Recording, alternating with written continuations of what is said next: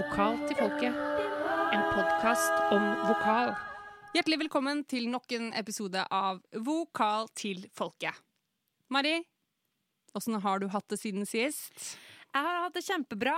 Sist vi møttes her, så var det jo eh, post eh, påskebonanza. Og nå eh, har vi jo nettopp hatt nasjonaldag. Vi har sunget nasjonalsangen flerstemt sammen. Og jeg føler liksom at nå har, nå har den der springen som du har snakka om, den har virkelig sprunga. Og nå er, nå er altså summer is coming, og jeg er altså så klar. Ja. Det snør pollen. Det snør pollen. Det gjør faktisk det. Det gjør det. På Skarnes snødde pollen her om dagen. Herlighet. Ja, Sånn har det blitt. Men jeg ser det på elpianoet hjemme òg, at det er et litt sånn pollenlag. Ja. Det må vi bare leve med. Vi kommer tilbake til det med allergi på sikt. Yes! Vokal til folket forklarer etter beste evne. Her i Vokal til folket så er vi så heldige at vi etter nå snart åtte episoder har klart å opparbeide oss en ganske solid følgerskare av vokalentusiaster fra det ganske land. Det har vi klart kun takket være dere lyttere som har likt og delt poster på sosiale medier. I tillegg selvfølgelig til å fortelle sangglade venner at vi eksisterer. Det setter vi enormt stor pris på.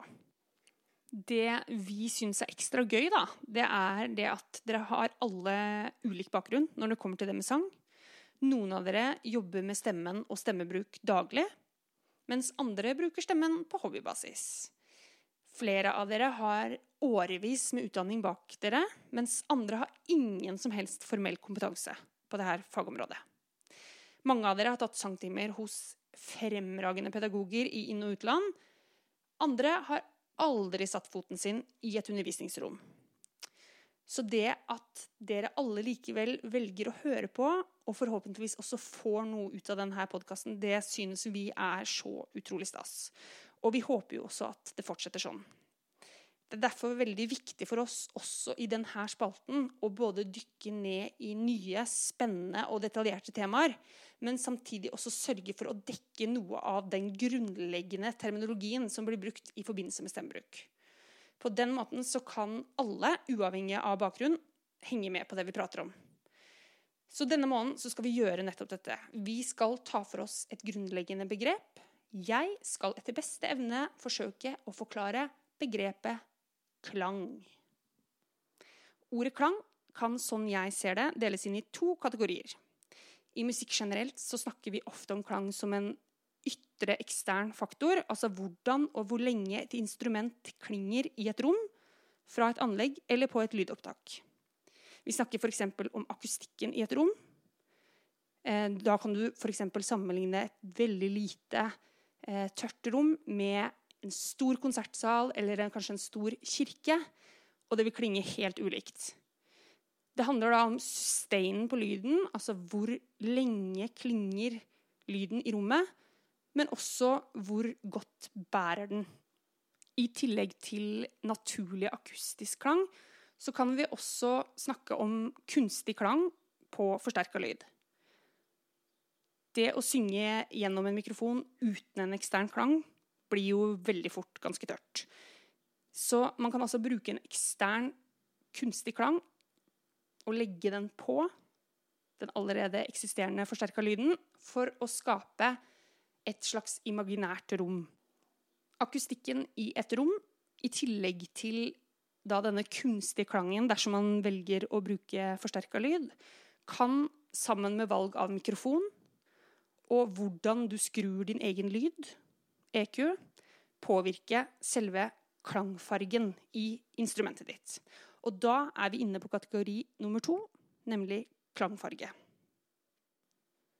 Klangfargen i instrumentet ditt kan jo da påvirkes av disse eksterne faktorene som vi har snakket om. I tillegg så har vi også fysiske, individuelle faktorer. Altså hvordan er kroppen din bygd? Kroppsformen din, form og størrelse på ansikt, kjeve og munn. Svelget, strupen, nesehulen, bihulene og munnhulen har selvfølgelig stor betydning for stemmens karakter, hvordan stemmen klinger. Samtidig så har vi også mulighet til å forme og manipulere vår egen lyd. Her er noen faktorer som jeg tenker påvirker klangfargen i instrumentet ditt. Mengde luft, vibrato, volum, altså synger du sterkt eller synger du veldig svakt? Hvor plasserer du lyden? Plasserer du den veldig langt bak, eller plasserer du den veldig, veldig, veldig langt fram? Hvor du befinner deg i registeret, hva slags tonehøyde du er i, mener jeg også har påvirkning på klangfargen. Det finnes ufattelig mange navn og begrep som blir brukt for å beskrive klangvalg, også kalt gir i enkelte tilfeller. De tre mest brukte, tror jeg, er brystklang, hodeklang og falsett. Det regner jeg med at de fleste av dere har hørt om. I tillegg så har eh, det dukket opp andre ord. Eh, noen av de ordene jeg har hørt i løpet av min karriere som sanger og sangpedagog, er f.eks. miksaklang, plystrestemme, talestemme, kjernestemme, fullstemme, slørstemme, nøytral, curbing, overdrive, edge og belting, som vi var inne på i episode 5. Dette er altså noen av de ordene som blir brukt av sangere og sangpedagoger i Norge i dag. Alle disse ordene, alle disse klangene, girene, kan jo skape veldig mye forvirring. Spesielt hvis du som elev er innom flere lærere som benytter seg av ulike metoder. Så da kan man jo spørre seg hvorfor har man ikke ett språk som alle bruker? Det er et veldig godt spørsmål. Jeg har ikke noe godt svar på det, men jeg skal prøve å forklare hvorfor jeg tror at det har blitt sånn. Jeg tror nok først og fremst at lange tradisjoner er hovedgrunnen til dette. Den klassiske sangen har solide røtter fra mange år tilbake. Det å undervise og bli undervist i klassisk sang det har blitt gjort i lang, lang tid. Fra tidlig av så var det nok mest vanlig, sånn jeg har forstått det, å gå til en mester i mesterlære. Og etter hvert så ble det oppretta skoler der man kanskje samlet flere pedagoger under ett tak. Mange ord, metoder og begrep ble altså til for mange år siden, og mye henger igjen. Etter hvert så skjer det ting på forskningsfronten, og noe av denne forskningen rokker ved disse gamle tradisjonene og skaper nye forgreininger, nye skoler, nye metoder. Sånn er det vel i de fleste yrker. Noen sangere og sangpedagoger velger å bruke de nye metodene og ordene. Andre beholder det gamle. Det fins flere grunner til det.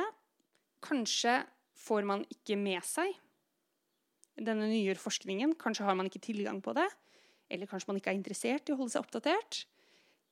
Kanskje har man fått det med seg, men man orker liksom ikke å forandre på det man har gjort i mange år. Velger å bare holde på det gamle. Eller kanskje er man uenig i de nye metodene og velger bevisst å fortsette med de gamle fordi man tenker at det er mer riktig. En annen ting som er veldig viktig å huske på når vi snakker om det her, er at det finnes ganske store variabler når det kommer til det med klangideal. Altså hvordan man ønsker å høres ut, eller hvordan man skal høres ut. For innenfor enkelte stilarter så er det faktisk visse rammer som man skal følge. Ikke bare finnes det variabler mellom den klassiske og rytmiske musikken, men også innad i de to leirene. Det har skapt behov for nye ord og betegnelser for å beskrive klangvalg enda mer konkret og detaljert innenfor de ulike sjangerne og stilretningene. Og dette har igjen resultert i en god del diskusjoner blant pedagoger og sangere. Det diskuteres mye hvorvidt nye begrep, klassifiseringer og metoder fungerer og er hensiktsmessige. Og jeg tenker at det er veldig viktig nå som vi er inne på dette her, å påpeke som rytmisk eh, sanger og sangpedagog for våre venner som eh, underviser og synger klassisk musikk, at det krangles og diskuteres like mye om de ulike rytmiske metodene innad i det rytmiske miljøet. På samme måte som at jeg vet at det er diskusjoner i det klassiske miljøet når det gjelder fremgangsmåter, metoder og ordbruk. Så det er altså ikke noe krig mellom klassisk og rytmisk sang, det her. Men det er et tema som engasjerer veldig mange. Det har jeg inntrykk av. Jeg skal ikke være noe sånn belærende å si hva jeg tenker er riktig og ikke riktig. Men det jeg kan si, er at mitt inntrykk er at alle metoder og skoler har et ønske om å jobbe mot en helhetlig stemme. Vi ønsker å jevne ut overganger mellom klangfarger og gir. Enten om man da Nå skal jeg si det veldig sånn liksom banalt, så alle skjønner hva jeg mener. Enten om du da vil dra hodeklangen nedover, eller om du vil dra brystklangen oppover. For å si det veldig enkelt. Dersom du som elev føler deg forvirra av terminologien som blir brukt av din lærer, så vær så snill, spør. Og kan ikke læreren din svare deg, så kan dere kanskje prøve å finne ut av det her sammen. Spør noen. Prøv å se om du kan bruke det du har lært tidligere, inn mot det du lærer i dag. Det er veldig dumt hvis det du har lært tidligere, skal være forgjeves dersom det faktisk kan relateres og overføres til det du holder på med nå. Og så vil jeg gjerne si til dere pedagoger, eller til oss pedagoger Jeg tenker at det må være OK å bestemme selv om man vil eh, følge trender, om man vil holde på det gamle. Jeg syns man skal finne sin måte å undervise på. Men jeg tenker at det er veldig viktig at vi er åpne, at vi forholder oss til at det finnes ulike måter å jobbe på, og at elevene våre kommer kanskje fra et sted hvor de jobber på en annen måte enn det vi gjør. Og da er det veldig viktig å jobbe med elevene, ikke imot. Selv om vi kanskje er uenige, misliker den metoden, de ordene, de begrepene. Vi må forholde oss til at de finnes, og så må vi finne en måte å relatere det til våre metoder, vår undervisning. Og det er lov å si at 'dette er nytt for meg', 'dette må jeg finne ut av', 'dette kan jeg ingenting om'. Det er lov, tenker jeg. Dette var Vokal til folket forklarer etter bestemmende begrepet klang. Mari, ønsker du å supplere? Jeg vil bare takke deg, Karina, for en veldig, veldig fin eh, spalte. Så bra. Takk. Og apropos jovial stemning. Eh, det er nesten eh, litt tema for dagen. For vi har jo ikke vært her i hele dag, Karina. Nei. Nei, for vi uh, har vært ut på tur. Vi pakka sekken, vi satte oss på en buss, og så uh, føyk vi av gårde. Rett og slett, Vi ble invitert med på kaffe til en trivelig krabat. Det, det var veldig bra ord. Krabat. Ja, men jeg følte at, Ja. at han her, han er en krabat. Ja, det kan jeg være enig i. Ja. Fordi vi eh, har rett og slett eh, vært på besøk. Og hvor har vi vært hen, Karis? Vi har vært på besøk hos Jarle Bernhoft. Yes! Fordi vokalisten, gitaristen, låtskriveren og bandlederen Jarle Bernhoft er dagens gjest. Og jeg skal prøve også å oppsummere bitte litt av det han har gjort, i tilfelle det er noen av våre lyttere som ikke er så godt kjent med alt han har holdt på med. Fordi vi kjenner han jo kanskje mest som vokalist i disse dager, eh, men han har jo faktisk spilt gitar på veldig veldig mange plater med f.eks. Kristin Asbjørnsen, Anne Grete Preus, Kari Bremnes, og han har kora mye, blant annet med BD Bell. Og han starta jo da opp på slutten av 90-tallet rockebandet Span. Og hva syns vi om det, Karina? Det elsker vi. Ja, det er altså det, er det beste bandet ever. Eh, så han ga ut et par plater med dem. Det bandet ga seg i 2005. Og da døde jeg innvendig. Ja, det var en sorgens dag! Ja, da gikk vi med sørgebånd i en uh, måned. Eh, Heldigvis så satsa jo Jarle da solo, takk og lov, og han ga ut førsteplata si i 2008. Og da fikk han liksom merkelappen pop, soul, funk, uh, og han har jo da siden da så har det vært veldig mye Loopstation. Det har vært kringkastingsorkester og nye album og turneer og Grammy nominations. Og Jarle Bernhoft har blitt allemannseie. Det føltes godt å si det. Nå følte jeg liksom at nå er det NRK. Allemannseie. Så han er jo da en veldig allsidig og helstøpt vokalist. Er du ikke enig? Enig. Ja. Og så som rockevokalist i Span så var han jo helt Episk. ja, episk, altså. Og han synger jo faktisk soul. Ja. Han søng, det er ikke He's noe got soul. He's got soul! Og han eh, synger funk som bare rakkeren, og vi tok da turen opp til han, og det var noe av det Ja, det var koselig. Ja, det var, det var hjemmekoselig. Det var veldig, veldig hjemmekoselig. Så folkens, get ready! Vokal til folkets lyttere. Nå må dere virkelig følge med her, for vi har kommet oss opp i ei bu. Vi sitter på gulvet, og vi har kontakt med underlaget. Og det vil si, jeg og Karina vi sitter her, og så ligger det altså et menneske her i all sin eh, prakt. Eh, og det er rett og slett Jarle Bernhoft. Hallo. Hei, hei. Velkommen hjem til meg. Tusen takk for at vi fikk lov til å komme på besøk. Ja, bare hyggelig. Ja, Her var det si. veldig hjemmekoselig. Absolutt.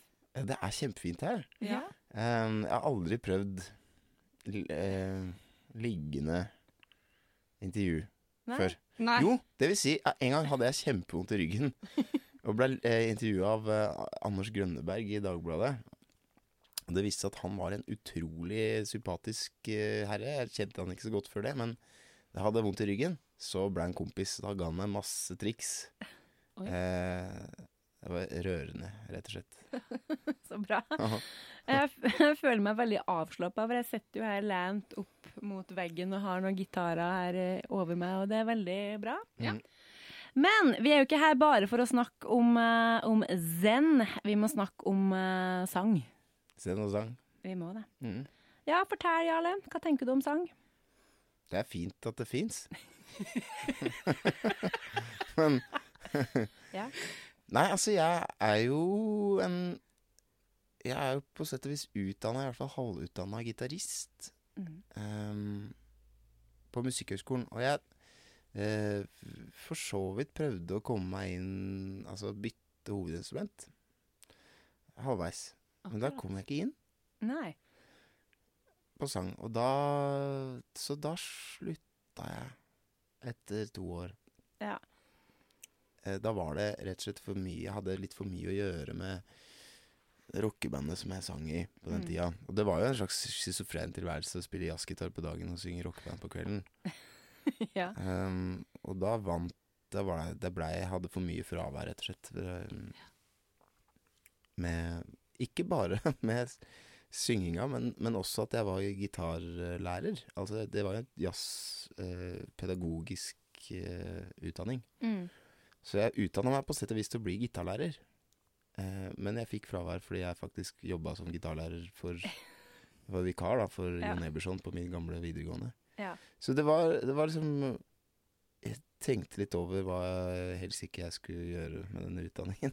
Så jeg, em, og det Så Men så synging har jo på en måte vært en sånn um, Jeg vet, ikke, autodidakt, er det det heter på fint. Når man Jeg har ikke jeg har hatt noe særlig undervisning og Jeg tenker på det som en sånn veldig sånn Jeg tenker jo mye på det. Men jeg veit ikke om jeg er noe god, hvis du skjønner, på å, å definere hva jeg driver med, eller Så når jeg er blitt bedt om å være lærer eller ha, sånn, sånn, ha elever og sånn, så skygger jeg banen, for jeg er litt redd for å lære bort noe feil. Mm.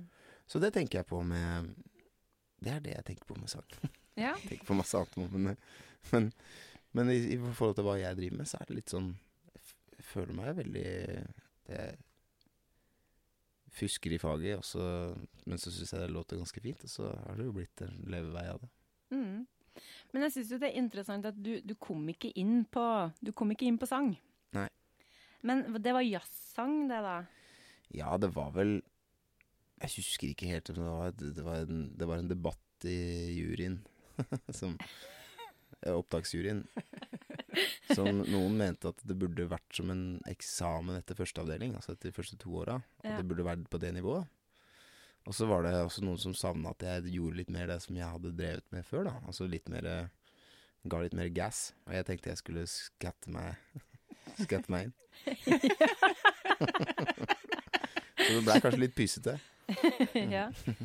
ja, for du var jo ikke akkurat pysete i, eh, i eh, spenn.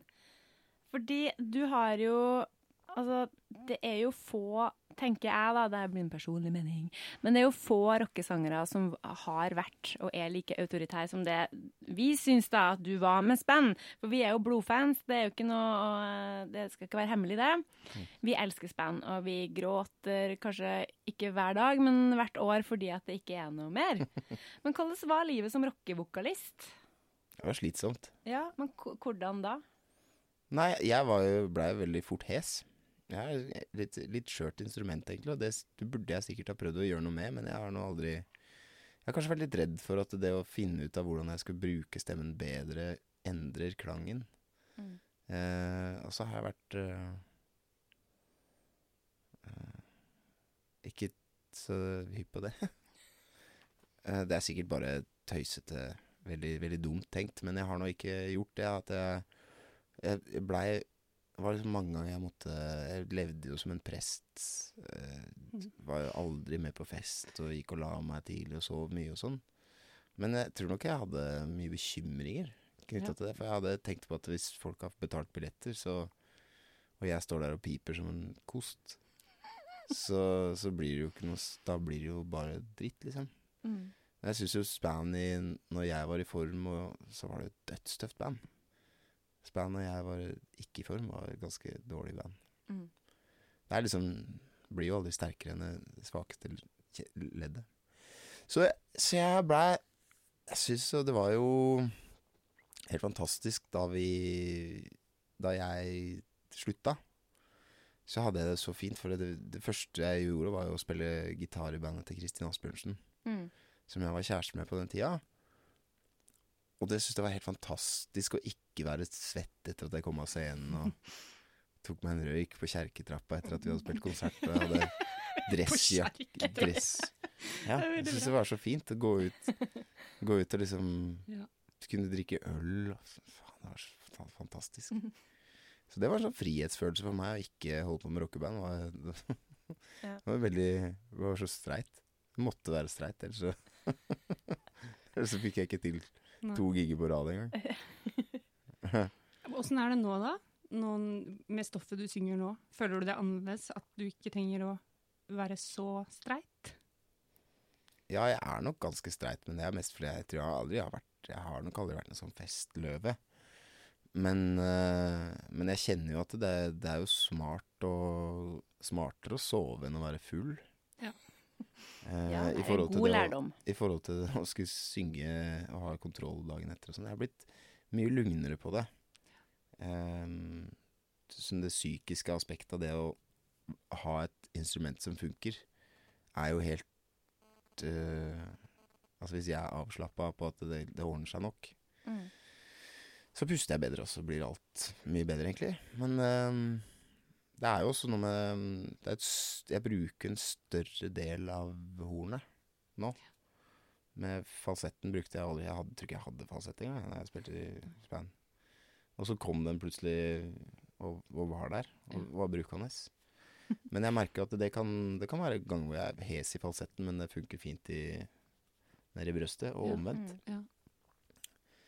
Um, så jeg tenker jo på at det er eh, også litt mer sårbart nå. Men fordi at nå er det jo virkelig sånn hvis ikke jeg funker som stemmemessig, så er det ingenting igjen. Med band så kunne jeg jo brøle litt og Mm. hoppe litt rundt. Og, Ja. og så var det fortsatt et slagkraftig Ja. band, liksom. Men, Ja. men, men nå er det liksom ikke så mye igjen, føler jeg. Nei. Hvis ikke jeg kan synge, så er det, så er det ganske dølt.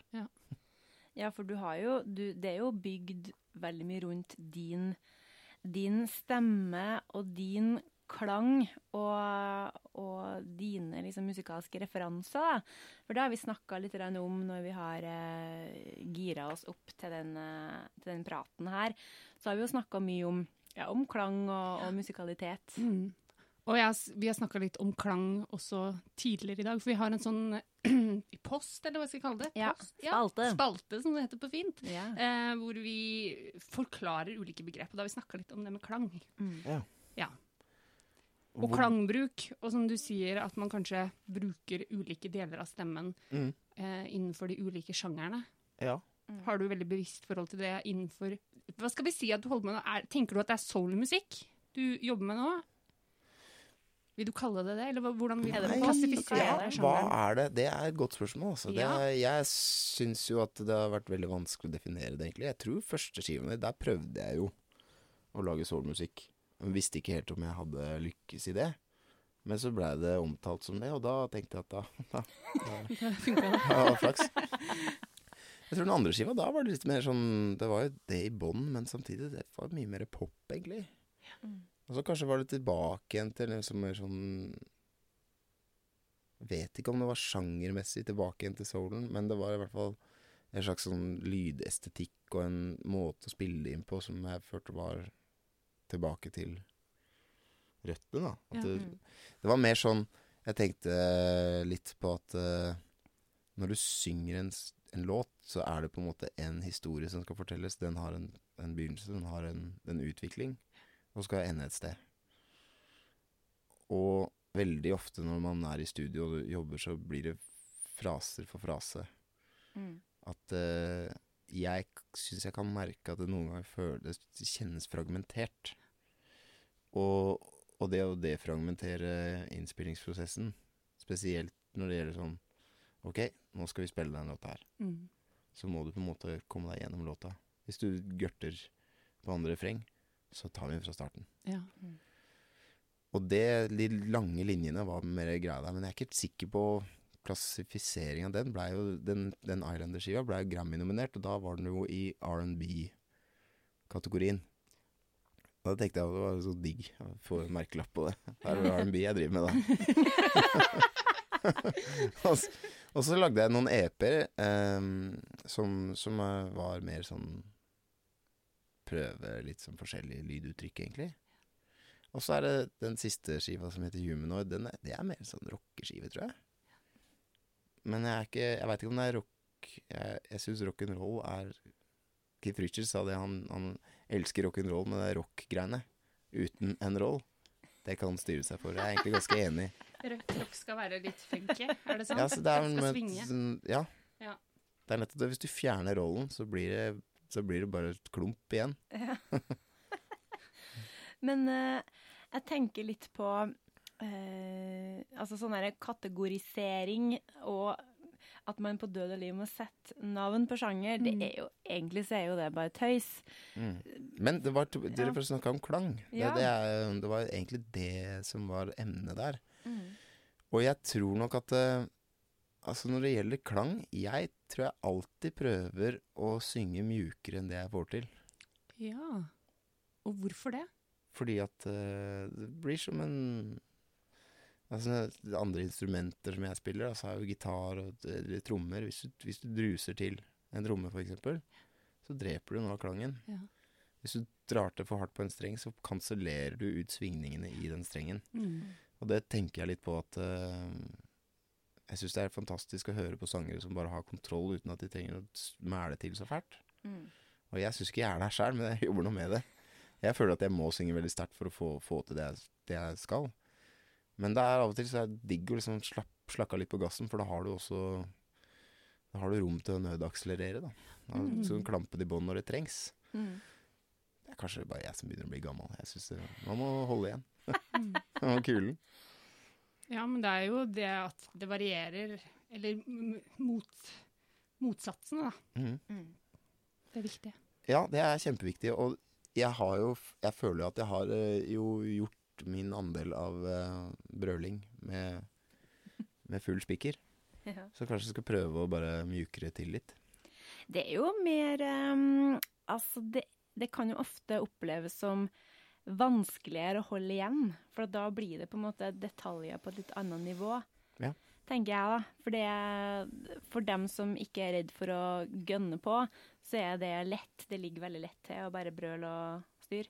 Men det er når man tør på en måte å vise enda mer av instrumentet, da. Ja. At det blir litt sånn At det kan oppleves som litt vanskelig. Mm. ja, så er det jo også noe med at det defineres jo veldig av live-tingen. Jeg blir jo veldig Mm. gira. Sant? Jeg får jo masse energi av å spille live. Og, og får masse energi av bare å gå inn på en scene, egentlig. Eh, og da blir jo Da slås jo turboen på veldig fort. Ja. Ja. For jeg har nettopp kjøpt meg motorsykkel, så jeg bruker veldig mye som motorterminologi. Ja, det er helt topp, du det. Bare, hvis det blir for. Har du sett den der tegnefilmen som heter 'Cloudy with a Chance of Meatballs'? Ja. Ja. For de av dere lytterne som ikke har sett den, så er det altså en oppfinner som vokser opp i et øysamfunn, og faren hans er fisker. Og han er veldig dårlig til å snakke om følelser, så hver gang han skal snakke om følelser, så er det et eller annet som fiskemetafor. Hans sønn blir sånn åh, dad with the fishing metaphors. Så det er meg nå, med motorsykkel. ja, men det er fint, det. Mm. Altså, du snakka om at du, at du jobba med eh, med å liksom holde igjen og synge litt mjukere, og da må jo vi bare spørre Hvordan øver du på sang? Hvis du gjør det, da. Du, for at En ting er liksom å øve på, øve på skala og sånn, men når du jobber med ditt eget vokale uttrykk, Mm. hvordan er det du gjør det? Har du noen spesielle rutiner? For jeg, så Hvis jeg forsto det rett, så har du ikke tatt noen sangtimer og sånt? Ja, jeg har tatt noen sånne Jeg husker en gang som jeg tok Jeg tok en sangtime med Anne Marie Gjørts. Ja. Men da eh, tror jeg vi satt og prata for det meste, og så, og så var jeg så fascinert av hvordan hun spilte egg. Ja. Ja. Så jeg fikk en sånn ut, ut- utførende hvordan albuen beveger seg Ja, Ja, Hun er kjempegod på det. Ja. Eh, og så har jeg hatt sånn eh, Hva var det hun het igjen, da? Eh, ja, uansett, jeg fikk en sånn time med sånn blåse Eller synge med rør i flaske. ja. Mm. Og det er, det er stort sett det, da. Ja. Eh, bortsett fra altså, sånne sangtimer med et kvarter med en operasanger på videregående. ja. Kvarter i uka. Uh, men uh, Nei, hvordan jobber jeg med det? Jeg, jeg tror mer at jeg prøver å eh, synge mer enn jeg øver. Mm. Jeg er, ikke så, jeg er nok ikke så glad i å øve Jeg tror, ikke jeg, jeg tror aldri jeg har sunget en skala. Men hvis jeg nå har lyst til å Hvis jeg nå hører en, en frase som jeg har øvd mer på enn noen annen Som jeg har hørt eh, en, en Sly and Family Stone-låt som heter 'Skin I'm In'. da Og så kommer det en sånn Etter et mellomspill så kommer så, så, for det er sånn Hey, skin I'm in Som er bare helt sånn Han plasserer den så ufattelig bra, da. Og jeg hørte den bare helt nagla til veggen. Bare, det, så jeg må lære meg akkurat den frasen. Mm. Og jeg øvde på den, øvde på den, øvde på den, øvde på den, øvde på den. Fikk den ikke til. Prøvde igjen, fikk den ikke til. Prøvde som bryte ned mindre biter. Eh, følte at nå har jeg naila bevegelsen, men jeg får liksom ikke helt til tonaliteten. Og så hadde jeg en opplevelse med sånne naturtoner. Sånn Jeg vet ikke om Strupesang. Ja, men det er mer sånn Overtone. Overtone. Ja, ja, Hvor fikk jeg det til nå? Jeg ligger jo, så det er vanskelig å synge. Ja, du får det til. Ja, ja. De greiene der. Ja. Og når man begynner å analysere det spekteret der, så er det akkurat de tonene som ikke harmonerer med tangentene på et piano. Det er der magien ligger, da. Mm. Eller hardingfele, for den saks skyld. Mm. Det er så dødsmye av den derre amerikanske, afroamerikanske folkemusikken som, som soulen egentlig er, som er så direkte linka til Jeg husker jeg hørte en ei dame som spilte hardingfele på Sentralen, var aleine. Og det beatet hun hadde, og den fraseringen Ja. hun hadde, var jo sånn Det er så swamp, det, Ja. det opplegget der! ja, det kan gruve noe innvendig. insane! Det var, jeg hadde akkurat samme greia som jeg har når, når liksom Sigabo modellist spiller trommebrekk i The Meters. Liksom. Folk sånn, oi! Der, var, der, der satt den noe så sinnssykt! Vi er The Meters-fan. Ja, det er vi Ja, virkelig, altså. Ja, det er helt konge. Men, men eh, hva med plassering? Altså Når vi snakker om klang og sånn, hva med plassering? Hvor du plasserer vokal? Fordi du synger jo på engelsk. Ja. Og det, da plasserer man kanskje ofte vokalene på en annen måte enn man gjør når man synger norsk, f.eks. Ofte mye lenger bak i kjeften. Dette, dette kan jeg litt om. Ja, jeg hadde, fortell. Jarle. Jeg hadde fonetikkurs da jeg gikk eh, det første semesteret jeg hadde på engelsk litteratur på Blindern. Um, og der var det For det har jo Jeg må innrømme at jeg er en fyr som har irritert meg grønn over så mange Altså folk som skal synge på engelsk, men som ikke kan det. Det syns jeg er skikkelig dølt. Uh, og jeg er ikke så For meg er det ikke så farlig sånn sånn uh, Jørn Simen Øverli som ikke skjønner hvorfor folk skal ikke synge på morsmålet sitt og sånne ting. Jeg syns ikke det er så viktig hvilket språk du utvikler deg på. Jeg syns det er viktigere hva du sier. Men hvis du først skal synge på engelsk, så må du lære deg det jævla språket, da. og så må du lære deg uttaler. Og jeg syns Jeg hadde jo en, en bøyg med Kristin Asbjørnsen, for eksempel. På det, for hun, hennes, hun har en helt annet forhold til uttale. For henne så gjør det ikke noe at det låter litt sånn nor Norwenglish. Mm. Og det var jo Syns jeg først var kjempevanskelig. Men jeg må jo innrømme at eh, etter hvert som vi prata masse om det, og gjennom dette bandet, Spirituals-bandet som vi hadde sammen, Mm. så fikk jeg en det, Hun snudde huet mitt rundt på det. På det med uttale. Men du må jo Jeg syns det er viktig å ikke Hvis du først skal synge på engelsk, og det kommer noen som kan engelsk og hører på, og bare skrur av i første verset Mm.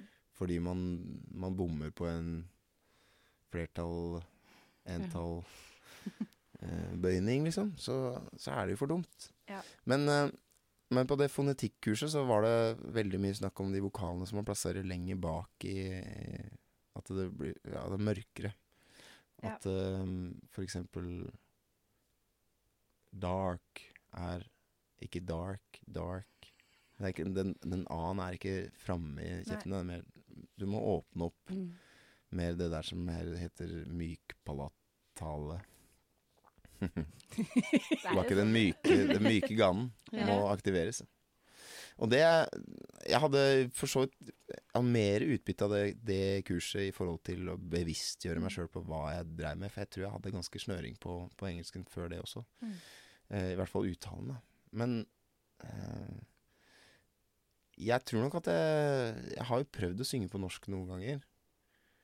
Men jeg syns jo det låter ganske hag hver gang jeg prøver, altså.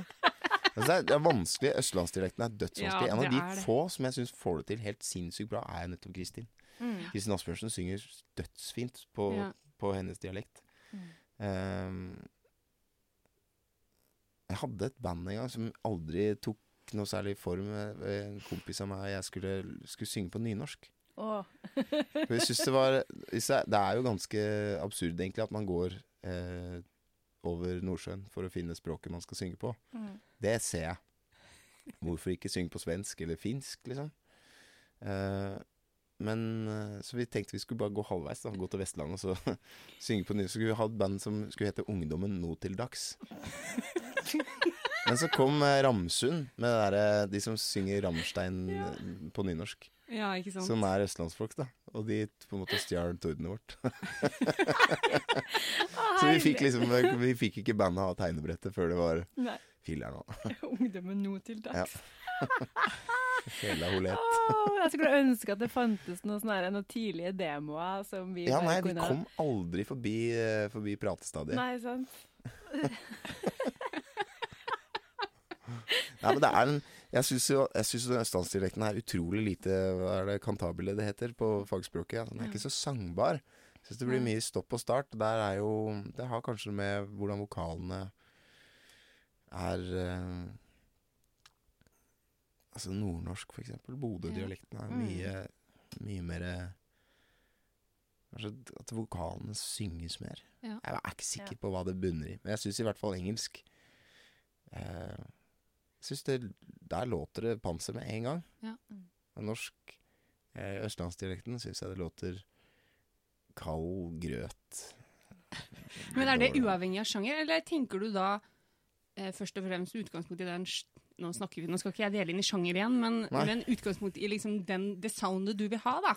Ja, det er det jo, men jeg syns jo han Hva heter han eh, totningen? Knut, Knut Anders. Anders. Han synger dødsfint! Ja, ja. Han får det jo til. Liksom. Så det, er ikke, det er jo ikke mangel på forbilder Nei. ute og går, egentlig. Eller det er jo ikke så mange av de som synger en slags sånn soul- eller R&B-musikk på norsk. Det er jo ikke så mange av de. Det er jo kanskje bare han. Men, eh, men jeg syns han er i hvert fall bevis på at det, det, det, det går an, da. Ja. Mm. Men jeg tror jo òg Nå skal ikke jeg si det for sikkert, men jeg har hørt at da han bestemte seg for å, å drive med sånn Toten Soul, så tok han og oversatt en del sånn Stevie Wonder-låter. Og, og, og, og sang dem da på norsk for å liksom prøve å ta med seg Mm. det, det amerikanske, eh, den estetikken, inn i det norske. For det er, jo, det er jo egentlig det det handler om at det føles kanskje veldig rart å drive og waile på en del norske ord. Jeg tenker, nå tenker jeg, hva, hva hvis liksom noen trønderske artister bare bestemmer seg for at nå skal det wailes på, ja, på, på det her, liksom? Det blir veldig rart. Men jeg bare For det handler jo om Hele livet for deg. ja, Akkurat det her Hele føler jeg livet for deg. Ja, det syns jeg hørtes veldig fint ut. Kanskje trøndersk er er veien inn. Ja, altså, for all del. Å Altså, synge Terje Tysland Soul-versjoner. Ja, Dødsbra. Vi har en idé. den, ja, Vi har en idé. vi er, vi er med. vi er med. Altså, ja, ja, Ja, dårlig på dialekt. Jeg er ikke noe god på dialekt, men jeg kan spille egg. Ja, du Ta noen korer timer hos Anne Marie, og så Kore bakpå der. Ja, kore bakpå der. Ja, med sånn trøndervibb. Det. Bjarne-vib. Ja, Bjarne-vibb. Ja. Mm. Det er veldig fint. Uh, ja, fra Trøndelag til, tilbake til, til start. Men ja, så, så norsk, det er Du er ikke helt der ennå? Nei, ikke helt der ennå, men altså det, det er ikke Jeg skal aldri si aldri, altså. Plutselig, om eh, 30 år, Mulig. da kommer det sånn herre straight out of Oslo. Eller rett ut fra Må kanskje ta det på norsk. Ja. Men du har, jo, du har jo bodd noen år i Amerika, så det kanskje også føles naturlig på denne måten at det liksom er ditt andre hjem, eller? Nei, det føltes Nei, det føles ikke naturlig. Nei. Det var ikke, det var ikke grunnen, folkens. Da har- kan vi legge bort nei, men det. jeg, det jeg fant det jo Jeg fant det veldig Jeg bodde et år i London også. Det var jo det var, Jeg er veldig glad for at jeg har gjort det, men jeg ble veldig tydelig på meg både i London og i New York at jeg, jeg har slått røtter i Oslo. Ja. Mm. Så det Men jeg, jeg syns det er fint. Det, som, jeg merker jo det at jeg har mindre snøring på engelsk. For det er én ting er å som ha, ha som fagengelsken inne. Mm. Men en annen ting er å ha litt på pulsen hva akkurat nåtidsengelsk er. Det er en, Mm. også en mange feller å gå i at man bruker Man kan bruke uttrykk som Ja. Jeg kan jo skrive tekster med uttrykk som er så 2017, liksom. Ja, det er sant. Ja, men det er sant. Men eh, apropos språk eh, og estetikk. Jeg har jo da eh, Når jeg har forberedt meg til det her, eh, samtalen, så har jeg sett på en del videoer av deg. Og i og med at jeg òg er eh, vokalpedagog, så er jeg jo veldig opptatt av av plassering og kjeve og sånn. Og jeg ser på måten du synger, at du synger veldig bredt. Med, altså, du åpner veldig mye opp, og det er en bra ting. For det, det er jo det vi ofte vil at uh, folk skal gjøre hvis man driver med, med, med rytmisk musikk. Så du åpner veldig opp. Og, det, og for meg, da, når jeg satt og så på det, tenkte jeg OK, Jarle er utrolig bevisst på hvilken lyd han vil ha. Og det er veldig bredt og åpent, og det gjør òg at du unngår en del stemmeskader, tenkte jeg da i mitt stille sinn. Mm. Stemmer det? Jeg tror ikke jeg er skada på stemmen, nei. Nei, og, tror- nei, det er ikke det, men altså, stemmer det at du liksom tenker at du jobber veldig bredt? Wow! At du liksom skal åpne opp mye? Er det Men ikke bevisst. Ikke bevisst. Er det be- Nei, ikke. Nei, men jeg da på Men jeg er bevisst på lyden. Men Ja, jeg, er ikke ikke, sant? jeg tror ikke jeg er bevisst på liksom Jeg veit jo, vet jo av en slags Ikke sånn veldig Jeg vil ikke si at den erfaringa Den erfaringa er kanskje mer sånn viseral. Den ligger mer i kroppen. At jeg veit hva jeg ikke skal gjøre. Ja. For å ikke drite meg ut og bli altfor hes, liksom. Jeg syns ikke det er noe problem å være hes heller. Nei. Men da jeg sleit med heshet for mange mange år siden, så var den Den, eh, den var uh, begrensa Hva heter range på norsk? Mm. Altså Registeret. kom ikke opp der jeg ville, kom ikke Nei, ned sant. der jeg ville. Eh, og det opplever jeg støtt og stadig nå, at jeg blir hes. Jeg merker jo det når jeg spilte liksom merker det på lørdag at jeg spilte onsdag, torsdag, fredag. mm. Men at eh, det er mer en sånn Det er en, en klang, og så må jeg jobbe litt hardere. Men jeg kommer jo dit jeg vil. Nei, for det er jo ofte det som eh, For jeg har jo hørt en del eh, uh, unge sangere eh, covre deg. Ja. Og det er kjempestas, det, fordi det er veldig bra at de bruker eh, norske artister, og ikke bare synger eh, Bruno Mars. Eh, det første jeg kom på. Men det, men det som ofte Og det, det er ofte veldig fint, men det som de sliter med, det er to ting. Og det er ofte de, Der du synger i falsett, det er kanskje ikke så velutvikla for de der unge sangerne, så de gønner heller på. Og presse presser stemmen opp der du velger falsett. Så det er én ting jeg syns er interessant. Og så er det også at de klarer ikke å få den der breie amerikanske soundet, da, som jeg nå Mm. kaller det tydeligvis. Amerikansk sound. Ja. Fordi dem, dem eh, Jeg vet ikke hva de tenker, men de, de er kanskje ikke like brei da, i uttrykket sitt Nei. som Og nå skal vi ha et film, vet du. Fordi der jeg føler at du er wow, så er de wow. Skjønner? Ja, skjønner. da, og da bommer de jo både på, det, på estetikk og egentlig på altså, at de skal synge sunt, da. Mm. Og det her er ikke til forkleinelse for 18-åringer i Norges land som covrer Jarle Bernhoft på eksamen i disse dager. Ja, det syns vi er dritbra. Ja. Men se på YouTube og lær. Men eh, skjønner du på en måte den problemstillinga? Ja, Eller jeg- skjønner du greia? ja, Har du tenkt på det sjøl? Det tror jeg. Men jeg det er jo sånn jeg For en ikke så fryktelig lenge siden så var vi i en, i en bandbuss, og så var det vel Nico i, i bandet mitt som satte på den første skiva mi. Den har ikke jeg hørt på på dødslenge. Og det, det fine var jo at jeg var ikke skamma meg jo ikke i det hele tatt. Jeg syntes det var ganske fint, egentlig. Men jeg hørte veldig tydelig forbildene mine. da Ja. Jeg hørte veldig tydelig at det er masse vann som har rent under brua med meg som vokalist siden jeg lagde den skiva. Ja. At det var Oi, ja, der er han ikke helt ferdig med å høre på D'Angelo og Bernhoft. Og oi, ja, der kom Louis Taylor ut. Det var sånn helt tydelig sånne pastisjsteder. Mm. Men det er jo klart at uh, Sly Stone har vært en sånn svær uh, forbilde. Han eh, føler jo spesielt liksom på, utover på 70-tallet og sånne ting, hvor, hvor du kanskje skorta på mye register der også, sikkert pga. mye kokainbruk og sånn. Mm. Men at han hadde en sånn ekspressivitet i, i uttale som han kunne liksom den, den blir jo brei. Mm. Med en gang du skal ha en Ja. En sånn skattevræl, liksom, Mm. så, så må du jo åpne kjeften si- sideveis. Så jeg er liksom ikke Ja, ikke bevisst på noe annet enn at jeg vil at det skal låte sånn eller sånn. Ikke sant. Det eneste jeg tenker på, faktisk, eh, litt grann når jeg synger um, uh, live, er at jeg av og til kan uh, ta ut Prøve å ta ut en liten Elvis Presley noen ganger. At jeg synger Hvis jeg synger nå, så kan jeg plutselig tenke at hvis jeg «Nei, det er litt der, men så gjør litt sånn. At det bare bare noen fraser kan være annerledes enn det de er på skiva, f.eks. Hvis jeg skal synge Så kan man plutselig ta ut en sånn Nesten sånn karikere en, eh, en ta, Dra en, en karikert Presley. For det er nesten som at det bare tilfører litt smøring, da. Ja. Litt motorolje i Der kom Ja, ja. Der kom den. Der kom motorsykkelen-metaforen. Men eh, ja, bare variere, gjøre noe Noen påhit. Mm. Men som også er Jeg vet ikke hvor relevant det er, men det har sikkert en relevans. Jeg Alt er relevant. Ja. Alt er relevant. Når vi, vi hadde jo med Hedvig Mollestad i bandet før, eh, dette Fashion Bruises-bandet. Dødsbra gitarist. Og hun hadde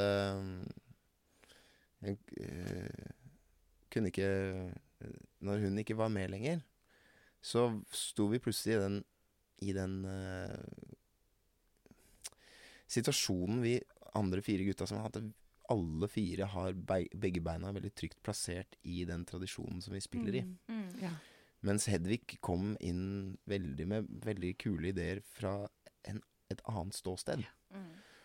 Og det så, så det vi gjør nå, er å bevisst prøve å ikke finte hverandre ut, men legge inn noen finter. Alle Ja. må komme med en overraskende frase. Ja, men det, det syns jeg er veldig kult. Per gig, og gjerne flere. Ja. Og eh, Og jeg prøver ofte å ikke nødvendigvis gjøre andre melodiske valg, men Men bare prøve noe Prøve noe annet, da. Og se om, se om gutta spiller på Ja. det. Mm. Se om gutta får det med seg. Ja. Og det er så dødskult når man prøver noe gøy, enten på vokal eller gitar, og så merker jeg at Fredrik får med seg det og spiller, spiller på den ideen. Mm. Og så forplanter det seg utover, og så blir alle Alle blir så glad av det. Ja. Og når alle på scenen blir glade, så, så blir jo publikum glad også. Mm. Og da går, det, da går det kanskje mer på sånne klanglige ting, altså. Mm. At jeg prøver å bare variere det, gjøre, gjøre noe annet. Ja. Ikke tekst eller, eller melodisk, men låte som en annen. Jeg syns det er ganske spennende å høre også hvordan Hva het hele Born to Run-plata til Bruce Springsteen? Det var jo egentlig Det, det er Bruce Springsteen som prøver å låte som Roy Orbison. Ja. Og du hører, jeg hører det veldig tydelig også når jeg fikk det, fikk det forklart. Nesten som en sånn nøkkel. Som, eh, som er, for meg er ganske fundamental. Da, at det, Baby, we were born to run du, Mm. Han har ikke pipene til å gjøre Roy Orbisons lyse tenor, men han, han gjør det på helt sin måte. Mm. Og så så jeg plutselig linja fra liksom Roy Orbison inn til Bruce Springsteen, og videre inn til Bon Jovi, da. bon Jovi. Ja, fordi at eh, Bon Jovi. Bon Jovi er jo John Bon Jovi prøver jo bare å være Bruce Springsteen. Det hører man veldig tydelig. Så sånn Alle prøver linken. egentlig Så går nå dagene. Ja. Alle prøver å være noen andre. Ja. Ja, men det er nok helt sant, altså. Det er veldig sånn noen klare Ja.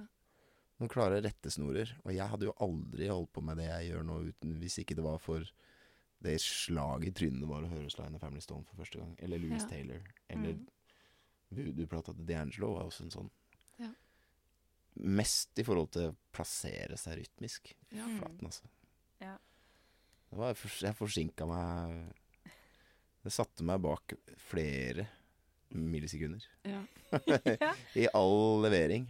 Men den plata har vært veldig viktig for veldig mange, tror jeg. Altså.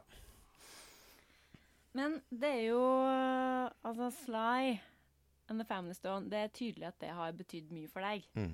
Jeg var jo en eh, på en, eh, på en 16. mai på Mono med Funky Hot Grids. Ja.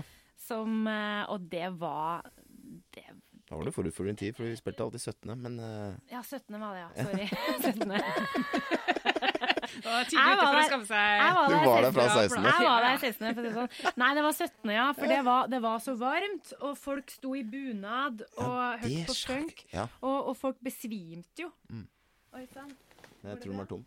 Nei, det var det går Nei, det var den ikke. Ja, nei, eh, nå Kaffen nå, nå kaffe, renner. Nå renner kaffen. Nei, men uh, seriøst, altså. Det var Og da Det syns jeg var veldig gøy, fordi jeg tror nok kanskje at uh, eh, Jeg syns det var veldig artig å se deg i På den måten, da. I, for da er, det jo, da er du jo bandleder, og det er jo galskap, rett og slett.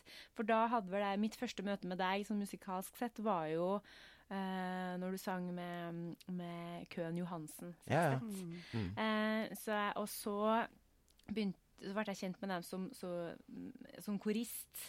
Og så var jeg selvfølgelig i span. Og så plutselig så står jeg der på, eh, på Mono 17. mai! Mm. Og det er liksom bare autoritet, og du tar grep, for du er jo i aller høyeste grad en, en bandleder. Virkelig, du vet jo hvordan du vil ha det, sånn som jeg tolker det, da. Eller? Ja. ja, altså jeg ser jo ikke på meg sjøl som lederen av det bandet i det hele tatt. Men det er vel, nei. nei, det er veldig Jeg føler at det er ganske Det er ganske sånn Altså, av de ti så er det sikkert fem-seks uh, alfahanner som er sterkere i det enn meg. Men jeg tror, siden jeg har den mikken, så blir det jo, Ja. blir jo blir, Man blir jo fokuspunkt når man står der. Er ikke det litt deilig, Har du jobba mye med det å være frontfigur? Ja, det har jeg jo, men jeg veit ikke om jeg har jobba med det bevisst for å bli en bedre frontfigur. Nei. Annet enn å, enn å prøve å være meg bevisst på at når jeg ikke skal være i front, at jeg ikke prøver å Ja, For du har jo vært begge deler, på en måte. Både Ja. foran og bak. Ja. Mm. Og eh, Nei, det er det å vite når man skal ta, når man skal ta spotlyset. Men når man gjør det, så må man gjøre det fullt og helt. Det kan man ikke gjemme seg bort. Nei. Um, men eh, Men jeg tror jeg har, jeg har jobba med det bare i kraft av å ha gjort det mye. Ja, Og så blir man tryggere på det også. Mm. Og så går jeg på konserter sjøl også. Hvis jeg ser folk som ikke trives i den rollen, så får jeg Da kjenner jeg det klør. Ja. Og så ser jeg Men når jeg ser folk som trives i den rollen, så er jo Ja, det klør, men det er digg. ja. Ikke noe sur svie. Nei. Bare søt klør. Ja. Men du snakka om eh, Jeg vil litt tilbake til det med forbilder og det at du, når du hørte på første plata di, at du kunne høre forbildene dine. Og Ja. så sier du at Eller sånn jeg oppfatta det, at ting har skjedd da, i løpet av disse platene. Mm. Er det fordi du har jobba bevisst med det å putte inn liksom motstand i settet ditt? Putte inn elementer av Nå kommer jeg tilbake til det med sjanger, da. Men altså andre sjangere, eller jobbe med klang. Mm. Jo, men det, jeg tror det er bare at det er Etter hvert så har blitt eh, Så har repertoaret av forbilder blitt rikere. Ja. Den første skiva så er det veldig Curtis Mayfield Hører jeg ekstremt Mm. godt på noen, noen uttaler av ord. Ja. Eh, jeg husker ikke hvilket ord, men det, er, det var ett ord i en låt som jeg eh, Han har en måte å si eh, Playshish. At han har litt sånn En sj. Playshish. Playshish. Som, er jeg bare Det har er blåkopiert. Ja. Eh, altså det er kanskje fire-fem veldig tydelige for, foregangsfigurer. Men så lagde vi den uh, Solidarity Breaks-plata i London, jeg og Fred Ball. Og da hadde vi hver dag så hørte vi på en Michael McDonald-låt. Ja. Og ikke det at jeg synger som, akkurat som han, men det er noe et eller annet med den derre Prøve å få litt mer malm inn i, inn i falsetten, da. Men falsetten din er jo veldig fremtredende. Ja, I det du gjør har nå? blitt uh, Den har blitt viktigere og viktigere. Og det er jo Det er jo Martin uh, Martin eh, Horntvedt sin, sin skyld. Oh, ja. Ja, apropos Funky Oddgrits, han spiller trommer der.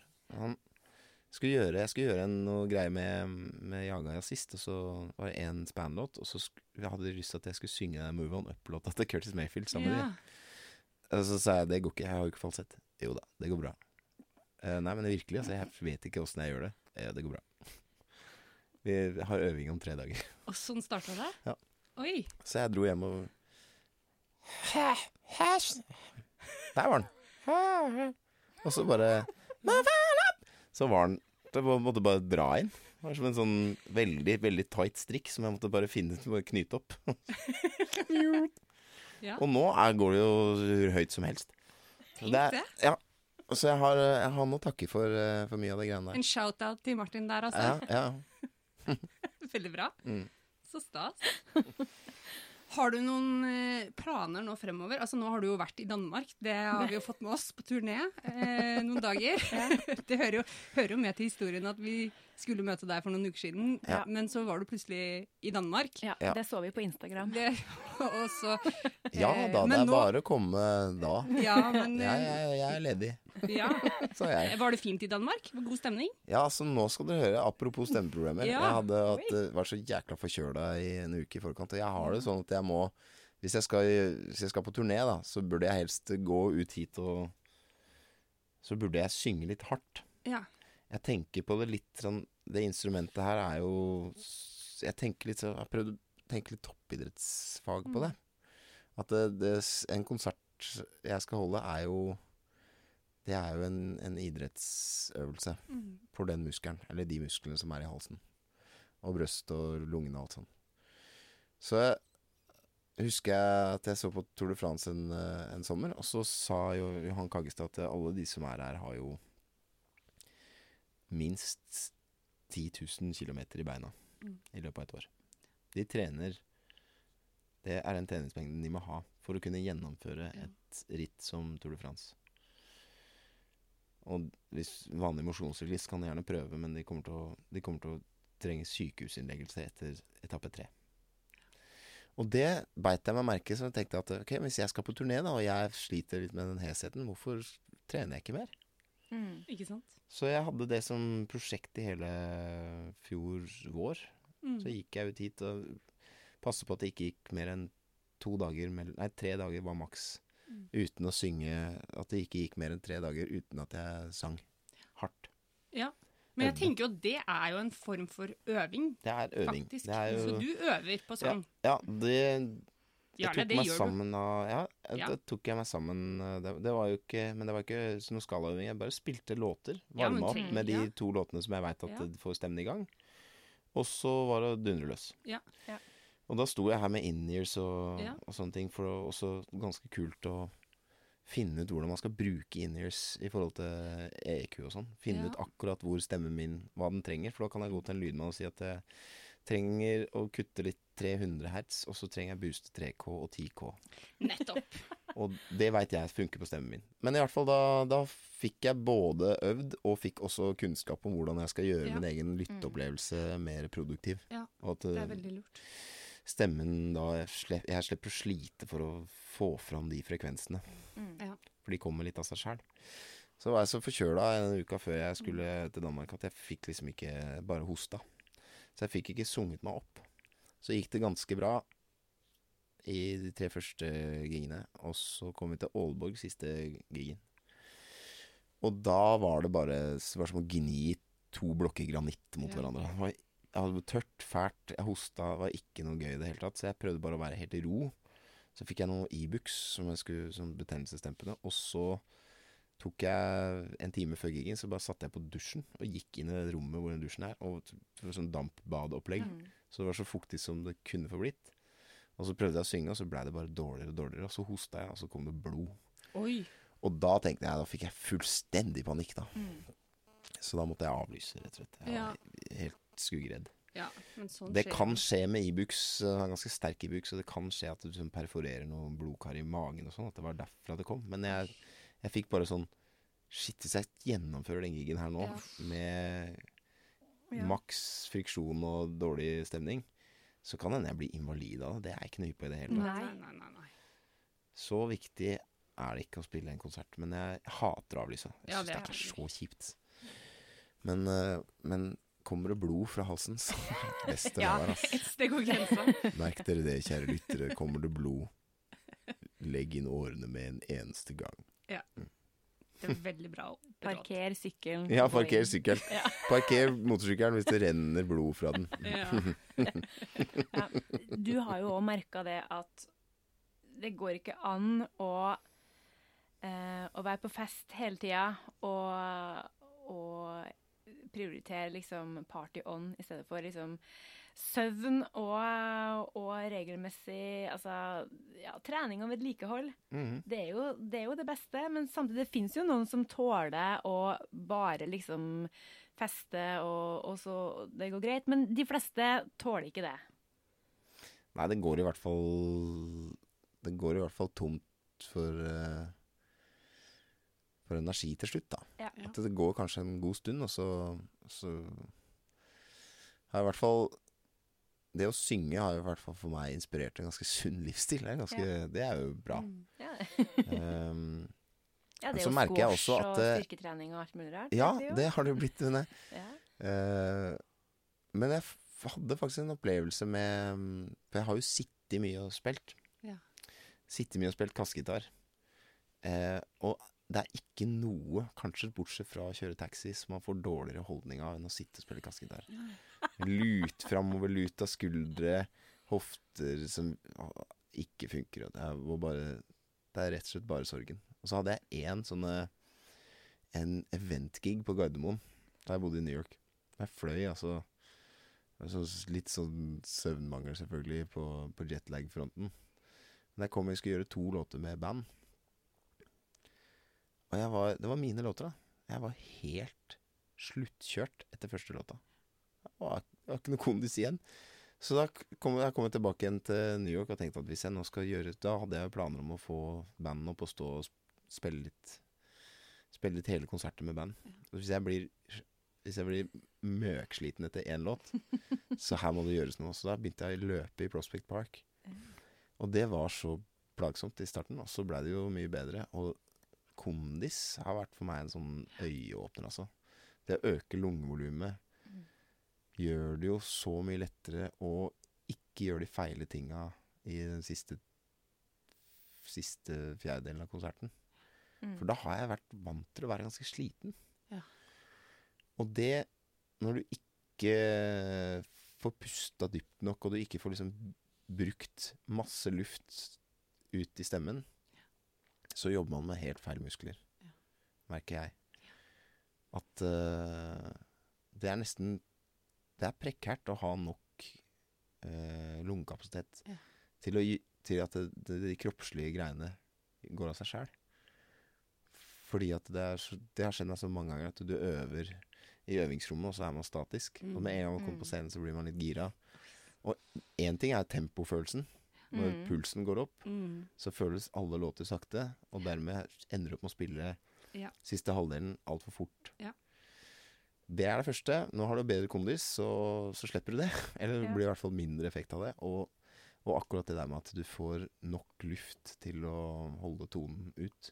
Og du slipper liksom spennende muskler i, fra i hele nakken og Mm. nakken og halsen og sånn. ikke? Det å gjøre det For meg å, å drive med kondistrening og også gjøre kjernestyrkeøvelser Ja. har vært dødsviktig. For å bare at nakken stabiliserer seg sjæl. Jeg, jeg, jeg, jeg tror nok jeg gjør mye feil i forhold til at jeg, jeg dukker huet fremover. Altså at jeg skyter haka fremover. At jeg jobber litt med det mens jeg synger, og så, eh, mens jeg øver, da. Ja. Og prøver liksom å stabilisere altså at, at det, hodet sitter rett på nakken. Ja. Ja. Eh, men det er vanskelig, fordi at det, det Spesielt å begynne å bli hes og ikke liksom nå, nå prøver jeg små å ligge og Spesielt falsetten blir fort borte da. Ja. Når jeg blir hes, så må jeg, må jeg liksom skyte haka fram for å få fram den falsetten, og det, er det er litt dumt. Mm. Men jo mer styrke du har i kjernestyrken i nakken, jo lettere blir det der eh, Det faget. Uh, og sorry, altså. Det er eh, ganske mye kulere å være Være godt trent i det du driver med, enn å være bakfull. Eh, det syns i hvert fall jeg er helt eh, Helt sånn logisk. Det er Ja. et ekstremt logikk i det. Mm. Det er, jobben, det er jo jobben din, liksom. Ja. Ja. Og jeg ser jo på det som det. Um, og det tenker jeg det, Jeg har jo respekt for at da, folk ser på det som en hobby også, men da, da blir det kanskje bare det, da. Mm. Eh, jeg har i hvert fall hatt behov for det. Å være Tenke på det som en sånn både proft og toppidrett Ja. på en gang. Mm. For å For å kunne prestere på det nivået som jeg har lyst til at det skal være på Ja. kveld etter kveld. Ja. Sånn som nå i sommer, så er det ikke så Da kan jeg være litt slack, egentlig, fordi at det ofte er én gig, og så er det kan jeg hente meg inn i to uker. Mm. Og det er ganske behagelig, altså. Mm. Må innrømme det. Jeg har ikke vært på joggetur på dødslang tid.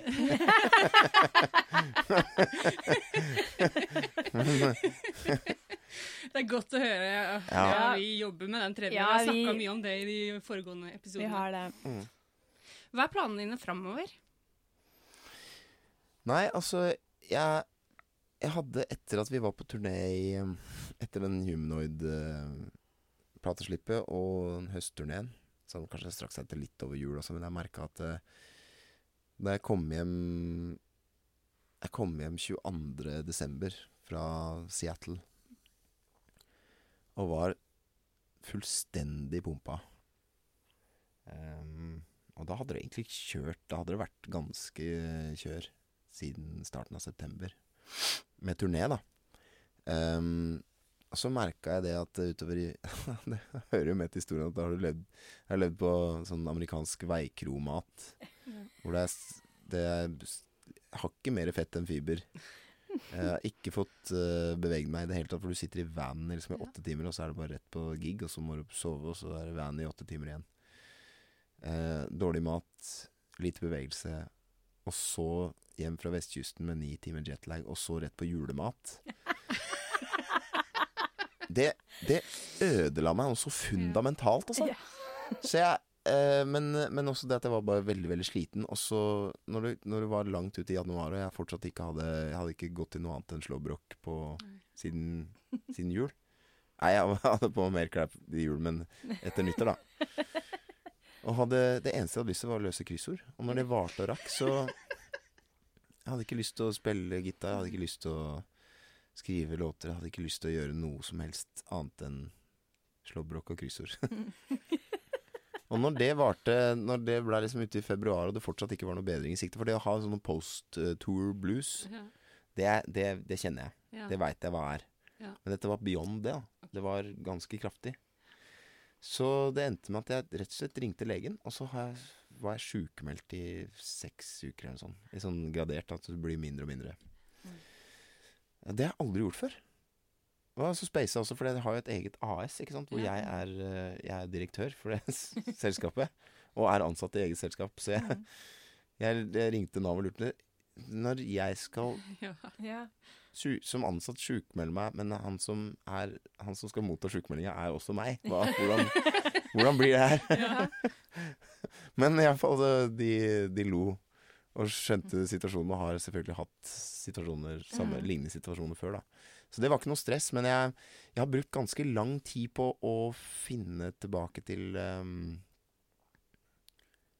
Altså, det høres jo fundamentalt ut, men litt sånn livsgnist. Ja. At jeg Nå kler jeg på meg og barberer meg en gang imellom og, og dusjer mer enn jeg gjorde i januar og februar. bare fordi at jeg, jeg, bare- da hadde jeg ikke noe motivasjon til å, til å stelle meg noe særlig bra. Og så, med litt, eh, med litt squash og litt motorsykkel og litt eh, andre Litt annet fokus, Mm. så, så har det kommet veldig tilbake igjen. Så nå, men nå bruker jeg rett og slett Jeg har, det har jo Må jo være så ærlig å si at det har vært et helsikes kjør siden I hvert fall siden 2011, men strengt tatt før det også. Mm. Hvor det har vært litt sånn smack, smack, smack. Bare produser, kom deg ut på turné. Mm. Inn i studio, produser. Eh, det må skrives låter fordi at eh, man, man må holde det i gang. Ja. Mm. Um, at jeg har nok vært for dårlig til å ta en pust i bakken. Ja. Ja. Og så er det noe med at eh, som artist så er du i en sånn merkelig blanding av Jeg er jo ikke noe glad i å bli bossa rundt, sånn at det for meg å eh, være artist, soloartist, kanskje til og med aleine på scenen og sånne ting, er Selv om jeg er veldig sosial og det er veldig snålt å være aleine på scenen, så er det også eh, et kontrollbehov der som er ganske markant, da. Ehm, og det merker jeg at eh, Når ting går bra, så er du en slave av det. Fordi da, man, da blir man booka på, på turneer både hit og dit. Mm. Og jeg klager ikke over det, så jeg syns det er ganske kult. Men når det går dårlig, så er du en slave av det også. Du blir aldri Du har Nei. aldri helt kontroll, Mm. har jeg tenkt over.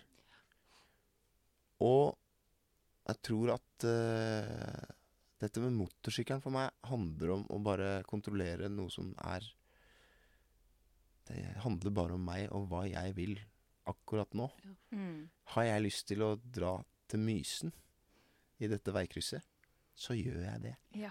Og det er ingen andre som bestemmer. Det er, motorsykkelen blir på en måte et slags frirom som jeg ikke trenger mer enn kanskje en time i uka. Da, men at jeg kan dra på en tur, og så er det bare jeg som bestemmer. Det er ingen unger som, driter, som drar i meg. Ingen bookingagenter. Ingen, Nei. Nei. ikke noe som helst. Ja.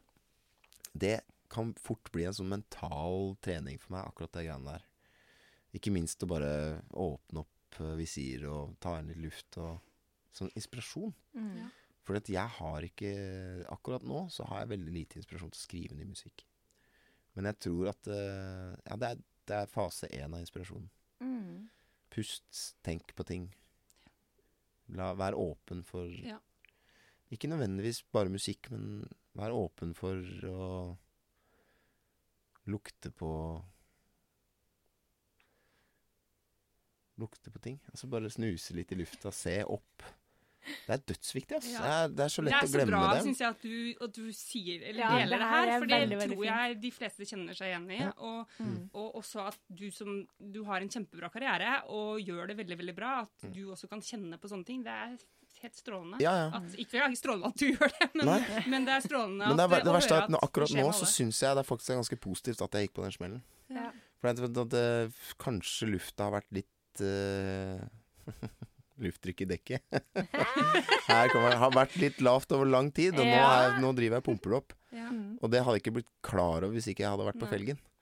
Og den jeg tror jeg er som um, Men jeg tenker jo at uh, La oss eksempel den der opplevelsen jeg hadde av overtoner, og Mm. at det er nøkkelen til å skjønne All out of trouble so high, all out of trouble so high Den, De deres blåtonene. Mm. Hadde jeg ikke hatt overskudd til å være nysgjerrig på overføringsverdien av mongolsk strupesang Mm. til afroamerikansk folkemusikk, så hadde jeg, det hadde gått meg hus forbi. Ja.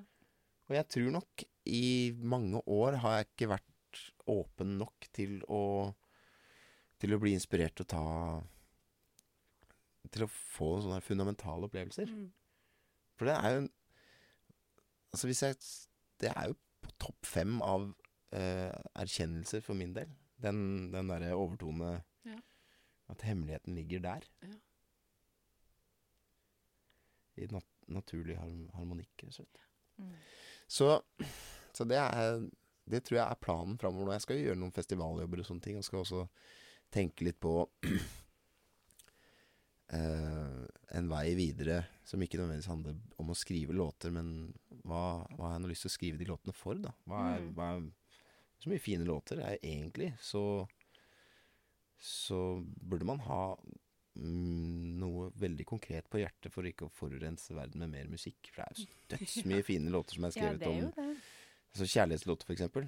Det har jeg bare tenkt at det gidder jeg ikke å skrive. Nei.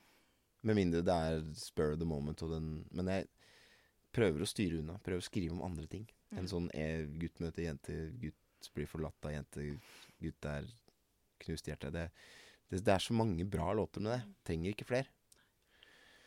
Uh,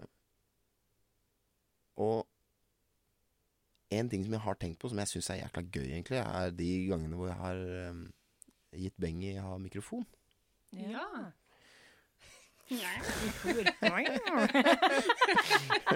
Så veldig bra. Her, her merker jeg, så skriver jeg notater her, merker jeg at jeg kan manipulere programlederne.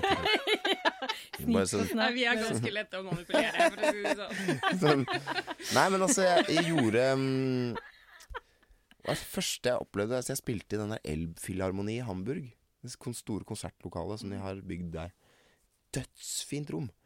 Og jeg skulle spille, det var en festival, jeg skulle spille solo. Og så er det Jeg vet ikke hvor mye det er plass til, kanskje 3000-3500 mennesker. Men det er jo Det sitter, for sitter folk bak meg òg. Når du er på scenen, og så er det folk i, i rundt, da. Og så er det også De har bygd dette her med et sånn akustisk unikum, med noen vegger som ser ut som det er Det har vært et sånt meteorregn. Sånn krater Ja. Og det, det er bygd med tanke på at det skal kaste lyd bra. Så jeg tenkte på det Jeg tror det var Falter, en låt jeg har som jeg Jeg bare skrudde ned volumet på gitaren ganske kraftig, og så, og så gikk jeg til sida for mikken, og så bare eh, gikk jeg rundt i en sakte piruett mens jeg sang. For jeg syntes det var litt synd på de som satt bak, at de bare fikk bakhue. da. Ja. Og det var sånn ekstremt sterk opplevelse Mm. for meg å bare føle at det- hei, det går jo, det funker jo, det fyller jo rommet, liksom.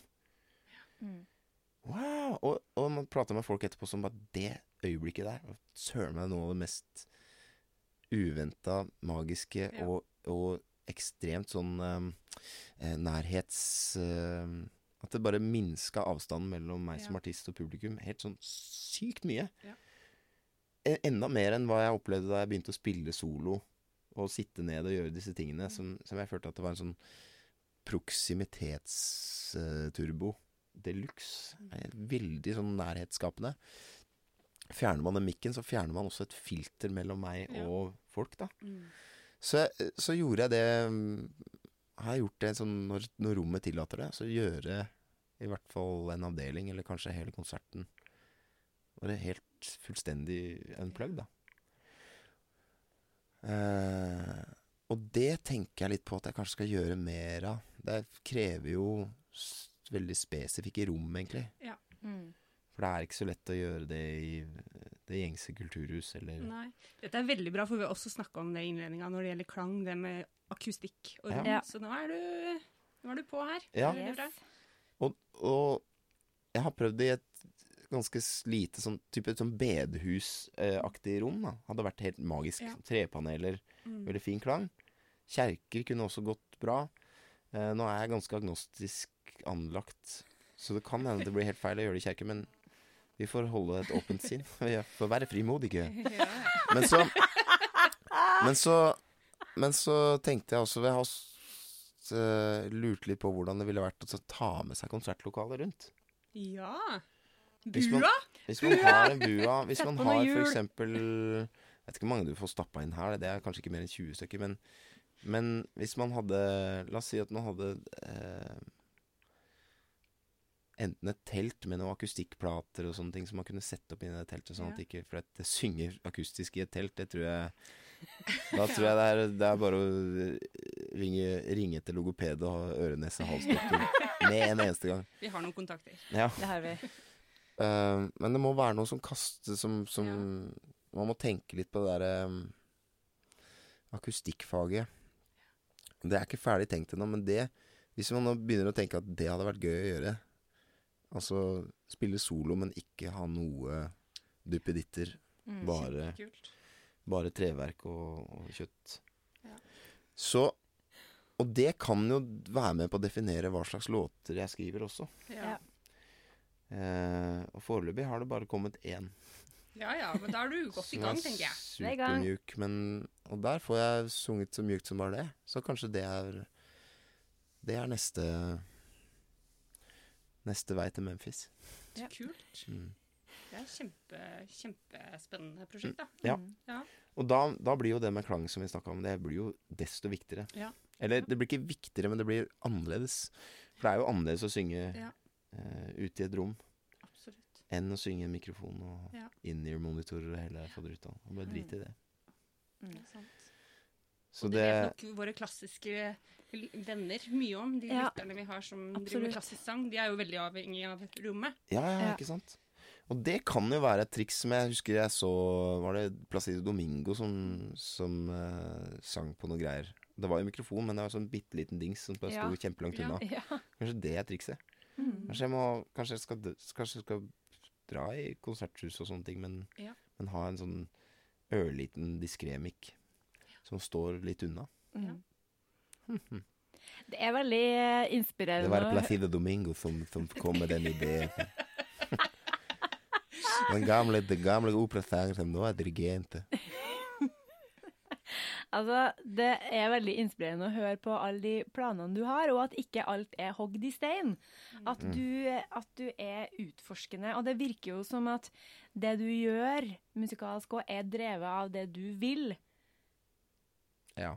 At det ikke Ja, men at det Og så ikke han litt sånn dum på deg, så det, Ja. det, det virker ja, men at det ikke sånn. er liksom et plateselskap som sier OK, Jarle, nå forventer vi oss at du lager den forrige plata eh, litt på ny, bare med andre låter, og kanskje sånn at vi får sendt deg på en enda lengre turné. Mm. Det virker på meg som at du vet hva du vil, og at du eh, er på leit. Ja. OK. Men det er bra du sier, for jeg har tenkt eh, meg sjøl mer sånn at det er en invertert versjon av det der. At jeg tenker jeg er veldig Jeg vet hva jeg ikke vil. Ja. Ja, men det er jo jeg vet hva jeg så vil. bra. Ja. Føler meg dødsforvirra på hva jeg egentlig vil, men jeg veit jo hva jeg ikke vil. ja. Viktig. Og det Men det er jo også den derre kontrollfrik-greiene som vi snakka om i stad. Eller som Kristin, eh, Kristin Asbjørnsen. Jeg var En gang jeg var sur på henne, så sa jeg jævla kontrollfrik. Og så sier hun ikke så kontrollfrik, egentlig, men jeg er veldig kvalitetsbevisst. Å, det er bra!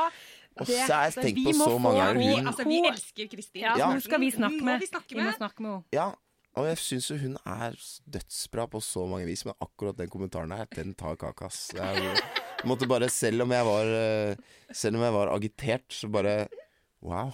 Ja, det der skal jeg Det skal jeg bite meg merke i. Ja. Ok, du har rett. Ja. Ehm, men uh, Hva var det jeg skulle si? Hva skulle jeg si? At, jo, at uh, jeg har jo vært mitt eget plateselskap, eller hatt mitt eget label i egentlig siden, siden andre skiva. Mm. Nettopp for å kunne ha ikke bare som tjener mer penger per solgte plate, men uh, Men også ha kontroll over når og hvordan og hva. Mm. Ja. Fordi jeg tror nok de aller fleste De aller fleste norske plater Det går jo an å snakke med Det er jo ingen som er hypp på i platebransjen at man gjør ting man ikke er hypp på. det er, det er nok ikke så mye press som man Så så lenge man dealer med de riktige folka, så er det ikke til å Så tror jeg det man, man kommer seg i land med de aller fleste ting. Men Og jeg har jo ikke sluppet unna det heller. Uh, for eksempel med Humanoid-skiva. Eh, det lisens... Det plata, plateselskapet som hadde lisens på mine skiver i USA, de jobba jo veldig dårlig med Humanoid-plata fordi den ikke var Det var ikke samme sjangeren som Islander, som de fikk en Grammy-nominasjon med. Nei, ikke sant. Og de pressa jo ganske hardt på Så det er ikke sånn at jeg går fri, selv om jeg Fri for de mekanismene der, selv om jeg har teoretisk sett styringa sjæl. Men der igjen, da. Det med styring er jo en illusjon. Du kan jo tro at Jeg kan jo tenke at jeg styres og styrer sjøl, men hvis det går bra, så må man bare blir man blåst med. Mm. Eh, det er sjelden ting går akkurat passe bra. Det er rart med det. Ja. For det kommer litt an på forventninger, da. Men det er jo Jeg tenkte jo på det også med sånn Etter Solidarity Break, som, som jo gikk helt åndssvakt bra Mm. sånn salgsmessig, og jeg følte at jeg dreiv med det jeg hadde lyst til. Så blir det jo litt sånn Det går jo ikke an å toppe det. Eller det er, det er i hvert fall veldig få som, som klarer å følge opp en sånn En suksess, da. Med en suksess. Både kunstnerisk og kommersielt. Det, det tror jeg er veldig Det er nok veldig uvanlig. Jeg hadde ikke regna med det. Men det eneste jeg kunne kontrollere, var jo det kunstneriske. Sant? At det, man må være på toppen av sin egen hitliste. Og hvis man, Oh, hvis man lager fint. Thank you very much, jeg stjal den fra noen. Ja. Jeg husker ikke den der. men det- Jeg syns det er veldig bra, bra sagt, da. Og det Så får liksom bare folk kjøpe den skiva eller streame den Ja. så mye de føler at det er Mm. riktig. Og den gikk jo veldig mye dårligere enn Solidarity Breaks. Så på sett og vis så var det jo sånn floppen etter suksessen. Uh, og det gikk jo Solgte ikke så bra, ikke noe Spellemann-nominasjon. Så fikk jeg den Grammy-nominasjonen, og så plutselig ble det Det var det et eller annet med som de er sånn, sånn, sånn finte, fra, Ja. finte fra venstre. Så det gikk fra å være kvisa på Solidarity Breaks sin rumpe til å bli hovedverket mitt, liksom. Jækla morsomt. Eh, Gnidde deg litt i hendene da? Det var litt sånn fornøyelig? Ja, jeg synes det, jeg vi var jo fornøyd med det, da. Ja ja, Du, liksom, selvfølgelig, også... du får jo pallplass. Ja, men også med tanke på hvis du følte at den ikke klarte å følge opp den suksessen. Ja, i Norge så Ja. var det jo Det var nok eh, Det var nok overraskende. Det var jo overraskende for meg også. Ja. Eh, men så var det dødsgøy, da. Og liksom Jeg bare følte som en sånn indisk hardingfelespiller som, som som blir liksom nominert til en eller annen folkemusikkpris Ja. i Norge. Jeg følte det var veldig, veldig rart. og så Og så var jeg dro til Los Angeles, da. Fred Wold og jeg var jo Han var jo så fornøyd med dette her. Han har jo vært med og skrevet noen av låtene på den skiva. Og så så er det sånn precast. Du, du sitter i en sal som det er før TV-sendinga, for TV-sendinga er 13 priser eller noe sånt. Bare sånn årets låt, årets album. Så alle sjangerprisene, som er dødsmange, det er jo 115 sjangerpriser. Og det er så samlebånd, det går så unna. Så plutselig så var det, så var det kategorien som jeg var nominert til. Ja. Og vips var ferdig. og, og det var bare Allo Black og jeg og Robert Glasper var jo nominert til den Nei, ja. Tror Robert Glasper, Allo Black og jeg og to til var nominert, da. Og var det, var det De som vant, var jo ikke der. Og det, var, det gjaldt eh, majoriteten av de prisene. Så det var sånn The Academy will uh, receive this award on behalf of the artist. Og ferdig med det. Ferdig med det. Og så neste pris. Ja. Hvis folk ikke kom på TV, så er det ikke noe vits å dra. Liksom. Nei, ikke sant. Så, så Allo og jeg sto der og humra liksom og og var ferdig. Og det var altså, for å være helt ærlig, ganske antiklimaks. Før den prisutdelinga så var det sånn Det er 20 sjanse at jeg får den jækla prisen, liksom. Ja, ja. Og etterpå så blir du I'm one of the losers. En av de, en av de 500 taperne den kvelden. Ingen som husker. Ingen som husker noe som helst. Men det står jo igjen Altså, jeg tenker jo Når jeg tenker på, det, på akkurat det der, så står det jo igjen som at du ble Grammy-nominert. Ja, ja. Det Sånn er jo at- fett. Ja, det er jo fett. Det, det er dritfett. Mm. Jeg bare tenk på alle de engelske eller, og svenske, for den saks skyld. Altså soul- og R&B-artister som jeg syns har gjort dødsbra ting, liksom. Ja. Og så står jeg der som den første ikke-amerikanske. Det er Ja. ganske drøyt. Ja, det Men er drøyt. så, så den Jeg har den på Jeg har den på, på lista over gøy, gøye ting. Lista over gøye ting. Ja. Gøye ting! Er Veldig. Altså, jeg får sånn derre- Altså, det der med å synge soul på, på norsk også Jeg Det er søren meg bra at han Sørum har eh, pløyd litt eh, vann der, fordi at jeg har en sånn skrækopplevelse. Og dette her er ikke, det er ikke norsk. Det er svensk. Det er ja. bryllupet Bryllupet til Carola Åh! Heggkvist og Runa Sørgaard. Ja. Og der altså, så, det, altså Hele kjerka ser ut som det er et blomsterhav uten like. Og Carola har vært hos frisøren i fire dager strekk, og Runa Sjøgaard ser ut som en deodorant. Og så, og så, og så står de Han ser ut som, han ser ut som en flaske rød Axe.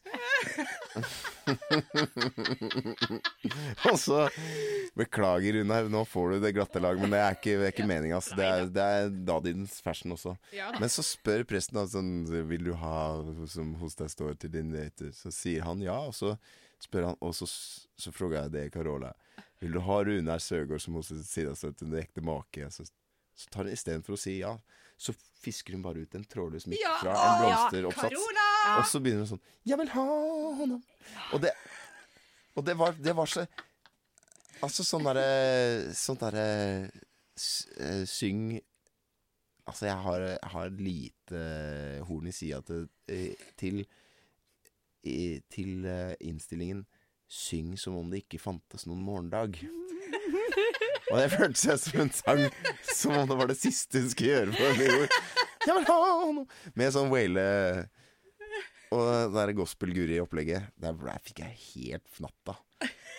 Men var det det- ikke sånn her 14 vers eller noe sånt? Jeg er søren ikke sikker. Jeg lurer på om jeg Jeg lurer på om jeg, jeg klarte ikke å Nei, for jeg tror jeg har sett eh, det YouTube-klippet, og det, altså det, det, det slutter aldri. Og til slutt så ser du jo òg at eh, Runar, eh, aka deodoranten, nå begynner liksom å synes at det OK mm, Lufta går litt ut av den. Den, den Ja. sterkt, sterkt fragrant The air- fragrant air går sånn Uten av munnen på den. Og Carola bare åpner armhulen og bare Yes, kom igjen. Post på mer Runar. Kom igjen. Kanskje vi må klippe vekk det her. Oh, yeah. Har det sklidd ut i bua før jeg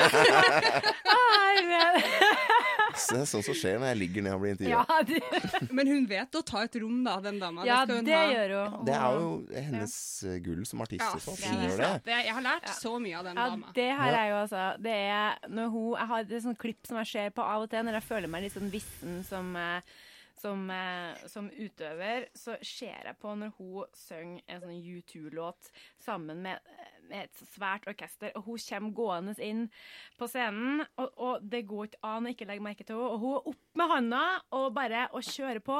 Ops, nå slo jeg på en gitar, det var ikke meninga. Og hun bare Hun eier det rommet. Hun gir seg aldri. Hun, er, altså det, hun pumper ut energi, Mm. og det er bare så knallhardt. Og da er det en sånn scene der publikum er rundt, så hun er liksom i midten der og kjører på. Men det er jo samme, Jeg har sett to program. Det ene med Jahn Teigen Tribute. Ja. Jahn Teigen, han må vi aldri glemme. Eh, hvor hun også er på Det er på liksom et rom på størrelse med dette, men altså hun bruker det rommet for Ja. alt det er verdt. Og samme med hver gang vi møter svensk edition. Ja. Da er hun oppå det der spisebordet. ja, selvfølgelig. Kom igjen. Er det hun Det som inspirerer deg? Men i bryllup Hun ins- har alltid inspirert meg, ja, for for meg, du men kravler jo på bardiska. Ja, det gjør jeg. Ja. Men, Nå begynner det å bli juicy. Ja, men, men eh, selvfølgelig, i eget bryllup kan man jo kanskje. Da trenger man ikke å være på jobb, tenker jeg. Nei. Hvorfor ikke, hvis man først Jeg syns Det du stemmer for. Ja, det jeg tenker Hvis det nå var én anledning hvor hun skulle virkelig kline til med trådløs rosa miks, så, så var det kanskje der, da. Men jeg, Ja. jeg bare Jeg syns hun må jo selvfølgelig få lov til å synge i sitt eget bryllup. Men det er den Det er akkurat den derre wailing på skandinaviske språk som jeg, jeg fikk sånn, ja. litt nok av. av det da. Så er noen sånne um, do's and don'ts som har Eller don'ts, da. Som har brent seg inn i huet mitt, som kanskje påvirker mitt tekstlige valg også. Men jeg har bare tenkt på noe dere sa Men å ta et rom. En annen sånn fundamental opplevelse for meg var eh, Du veit den Rattle and Hum-skiva til, til U2? Mm. Hvor de uh, spiller uh, Er det When Love Comes to Town? Eller Before Love Comes to Town med BB King. Og det er For jeg hørte sånn Det er vel sånn at Bono synger første vers og refreng. Og så What I did, what I did before love came to town. Og så kommer BB King, og han synger sånn But I did what I did before love came to town. Ja. han, setter han setter seg så unikt perfekt på den der biten, da. Og det var sånn derre Også en sånn Jeg blir, jeg blir fuckings kors, korsfesta av sånne, sånne plasseringer, altså. Og det føler jeg at BB King Kanskje ikke helt på slutten, han satt ned og bare var veldig redusert, men i hans heyday, liksom. Det var jo ikke, det var ikke noen fakter der. Det var ikke noe opp på bardisken. Det var liksom med den gitaren over skulderen og synge sånn, Han var jo strengt tatt for svær til å gjøre noen dansetrinn. Men bare sånn helt naturlig autoritet på scenen uten å gjøre noe mikk-makk eller fakter. Det ble jeg super tiltrukket av, da.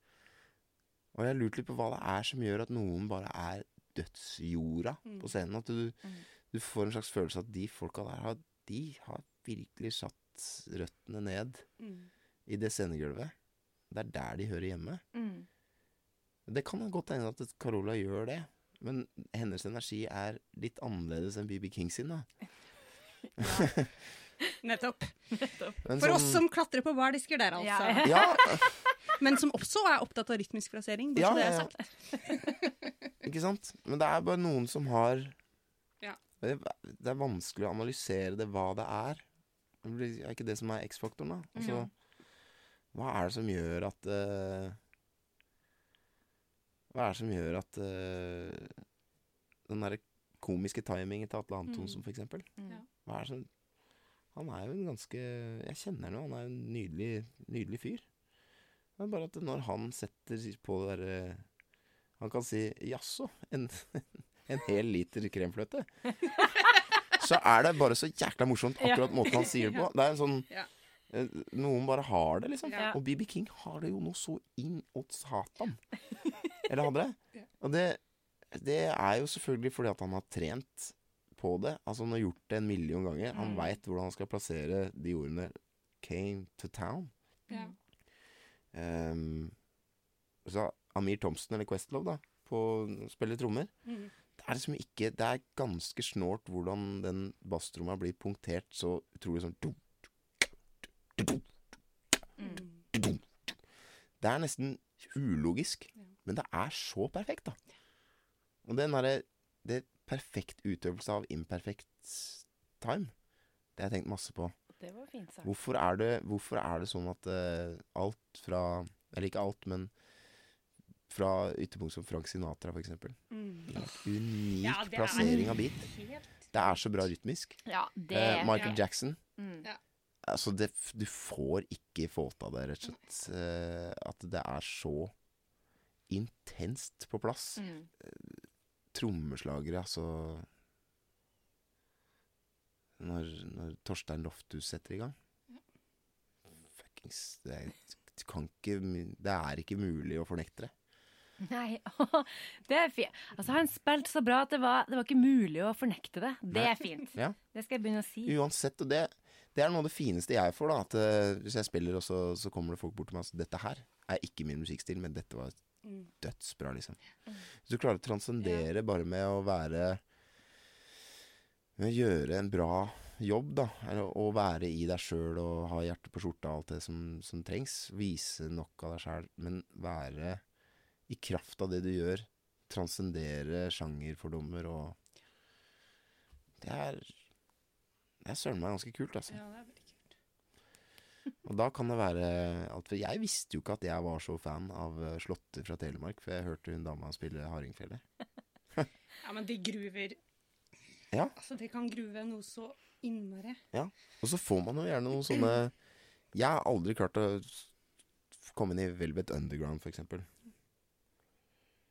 Eh, men jeg veit at det fins en dør der, da. Jeg veit at det Mm. fins en åpning som er bare sånn én låt eller en frase eller hva som helst.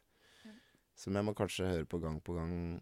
Jeg får sånne kick. Hvis det, og nok en gang Slime the Family Stone og den siste låta på There's a Right Going On-plata, som heter Thank You For Talking To Me Africa. Som er bare en rivamp av uh, Thank You For Letting Me Be Myself Again. Men det er sånn Det begynner bare. Så går det bare sånn i ett minutt eller noe sånt. Så kommer det plutselig et bassbrekk.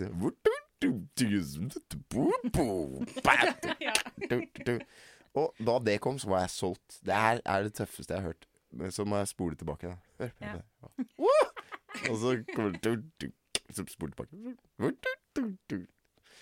Jeg er ekstremt irriterende for, eh, for lekfolk å høre på musikk sammen, for jeg skal spole tilbake på sånn Hør på den frasen. Det hadde blitt mye jazzstraff i vår gjeng. Ja. Vi har en sånn greie hvor hvis man gjør sånn, stopper musikken eller spoler eller sånn, når man er på fest, Ja. så får man jazzstraff. Da må man spille en standardlåt. Ja, med all tall. Da slår vi av all musikk, og så er det bare å bjuda på. Men uh, og så har vi da en i Strafferunde gjengen bluebossa. Ja, men så har vi en i gjengen vår som elsker jazzstraff. så Som han gjerne får- tar det. Ja, så han får protestvisestraff. Han må spille bare tre akkorder. Protestvisestraff. Oi. Ja. Du må spille Jørn Simen Øverli. Å, herlighet. Vet du, uh, Jarle Sjøl om vi gjerne kunne ha sittet her i resten av dagen, så uh, skal vi Vi må rett og slett snart bare pakke sammen og forlate bua. Ja. Det er varmt her. ja, det er det, ass. Det er veldig varmt. Men Legg deg ned på bakken, for at det det er, lufta Det blir jo bedre her. Sånn. Det Ja. sies jo når det begynner å brenne, så skal du krype langs gulvet, for der Ja. er det luft. Ikke sant? Men, men uh, tusen, tusen takk for uh, at du ville være gjest. Uh, ikke hos oss, for vi er jo til deg, men i vår podkast. Sjøl takk. Det var mykket hyggelig. Det her har vært veldig festlig og Veldig. varmt. Ja. Nei, men takk. Takk for nå, da. For nå. Vi ses. Lokalt til folket. Når du trenger litt ekstra vokal i monitor.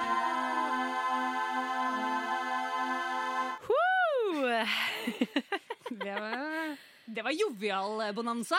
Det var jovialt og utrolig eh, trivelig. Og nå er vi da kommet tilbake fra besøk i Jarleland, og er tilbake i uh, Gislaved studio. Og det er uvant å faktisk sette på en stol og podde. Ja, for nå har vi jo begynt å podde på gulvet. Det er jo veldig digg. Veldig hippiestemning. Ja, veldig. Ja. Vi hadde jo egentlig ikke lyst til å gå, vi ville jo bare henge med Jarle, for han er veldig, veldig trivelig. Men bortsett fra at han er utrolig uh, koselig å snakke med, hva tenker du nå, Karina? Karina?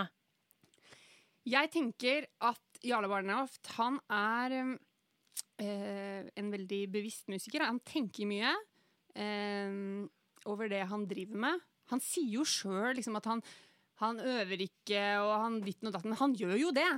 Klart Som jeg sa til han, han gjør jo det. For det, Ja.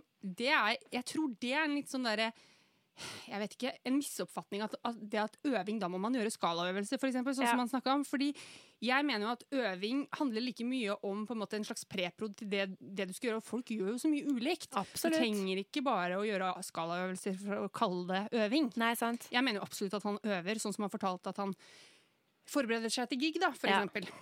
Ikke sant? Ja. Og det at han òg, når han kicker på en musikalsk idé, eller uh, altså en frase av noe slag, at han da øver på det helt til han Ja. får det til. Jobber liksom nennsomt med å få det inn i muskulaturen, og prøver liksom å, å, å hva skal jeg si, break it down. Hva er det som gjør at den frasen her er bare helt Ja. Ko artig å høre på.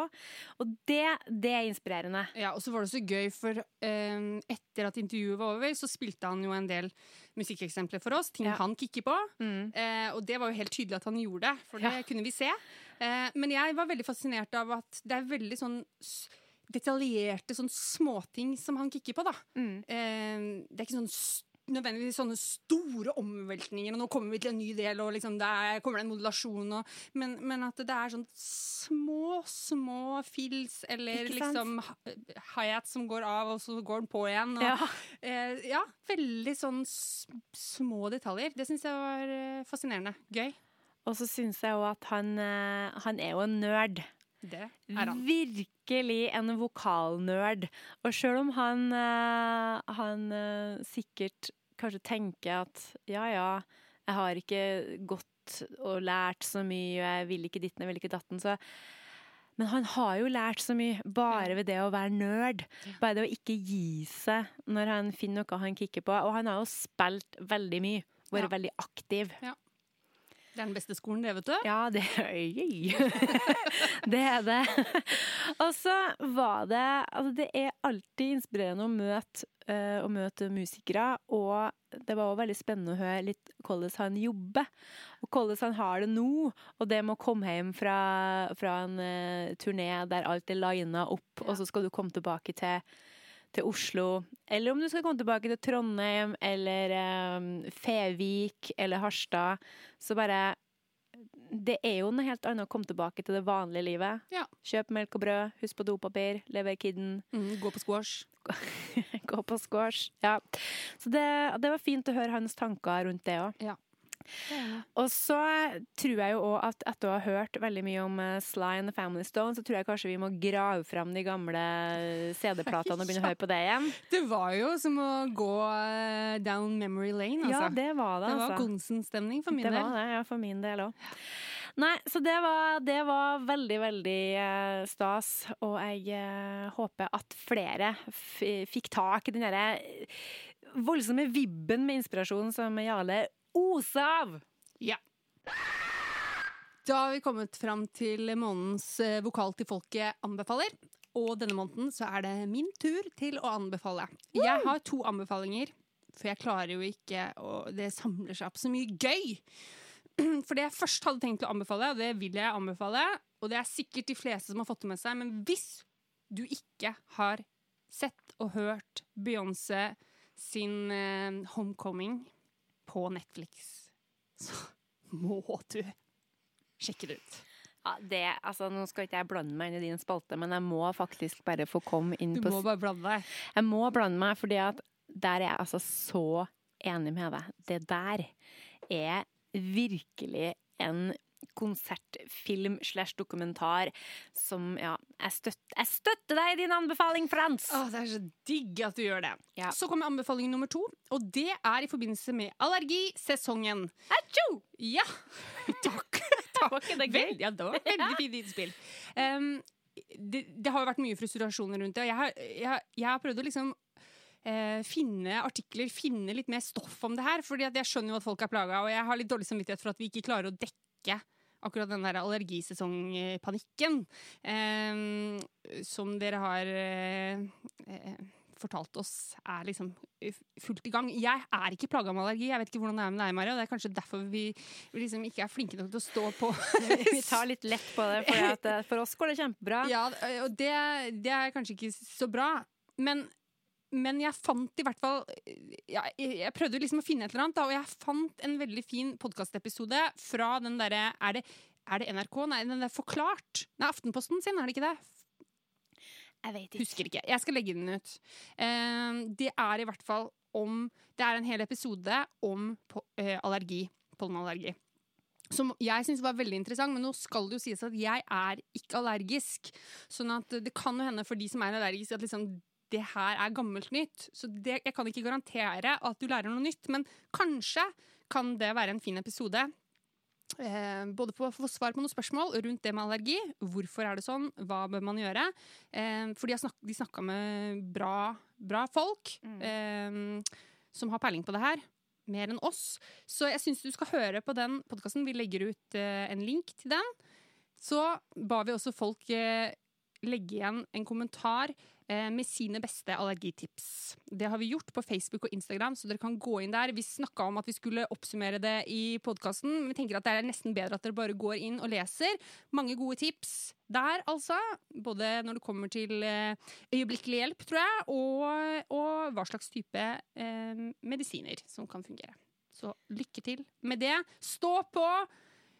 Ikke la allergien ta rotta på dere. Vi heier på dere!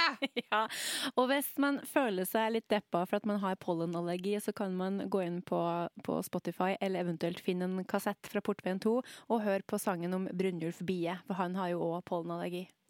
Ja, det er kjempetrist. Vi legger ut link. Da har vi kommet eh, til veis ende, Mari. Det her har vært en eh, veldig, veldig fin episode, syns jeg. Det syns faktisk jeg òg. Jeg har kost meg med å lage den. Ja, det er rart med det. Og så må jeg jo si Nå syns jeg absolutt at vi skal si det ordet. Nå sa jeg også et annet ord som vi bruker ofte. Absolutt. Men jeg syns også vi skal si det, det andre ordet som vi pleier å si tror jeg hver episode, og det er at dette har vært så inspirerende. Ja! Ja.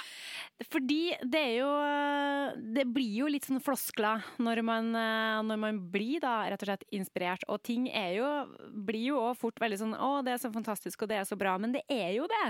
Det er det. Det syns jeg.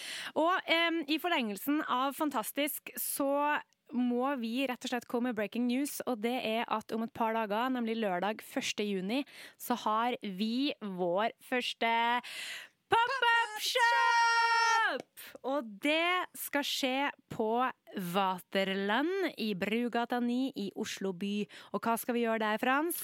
Der skal vi sitte og ta imot vokalentusiaster. Vi skal sette fram koppene våre, sånn som mange av dere har ønska å kjøpe.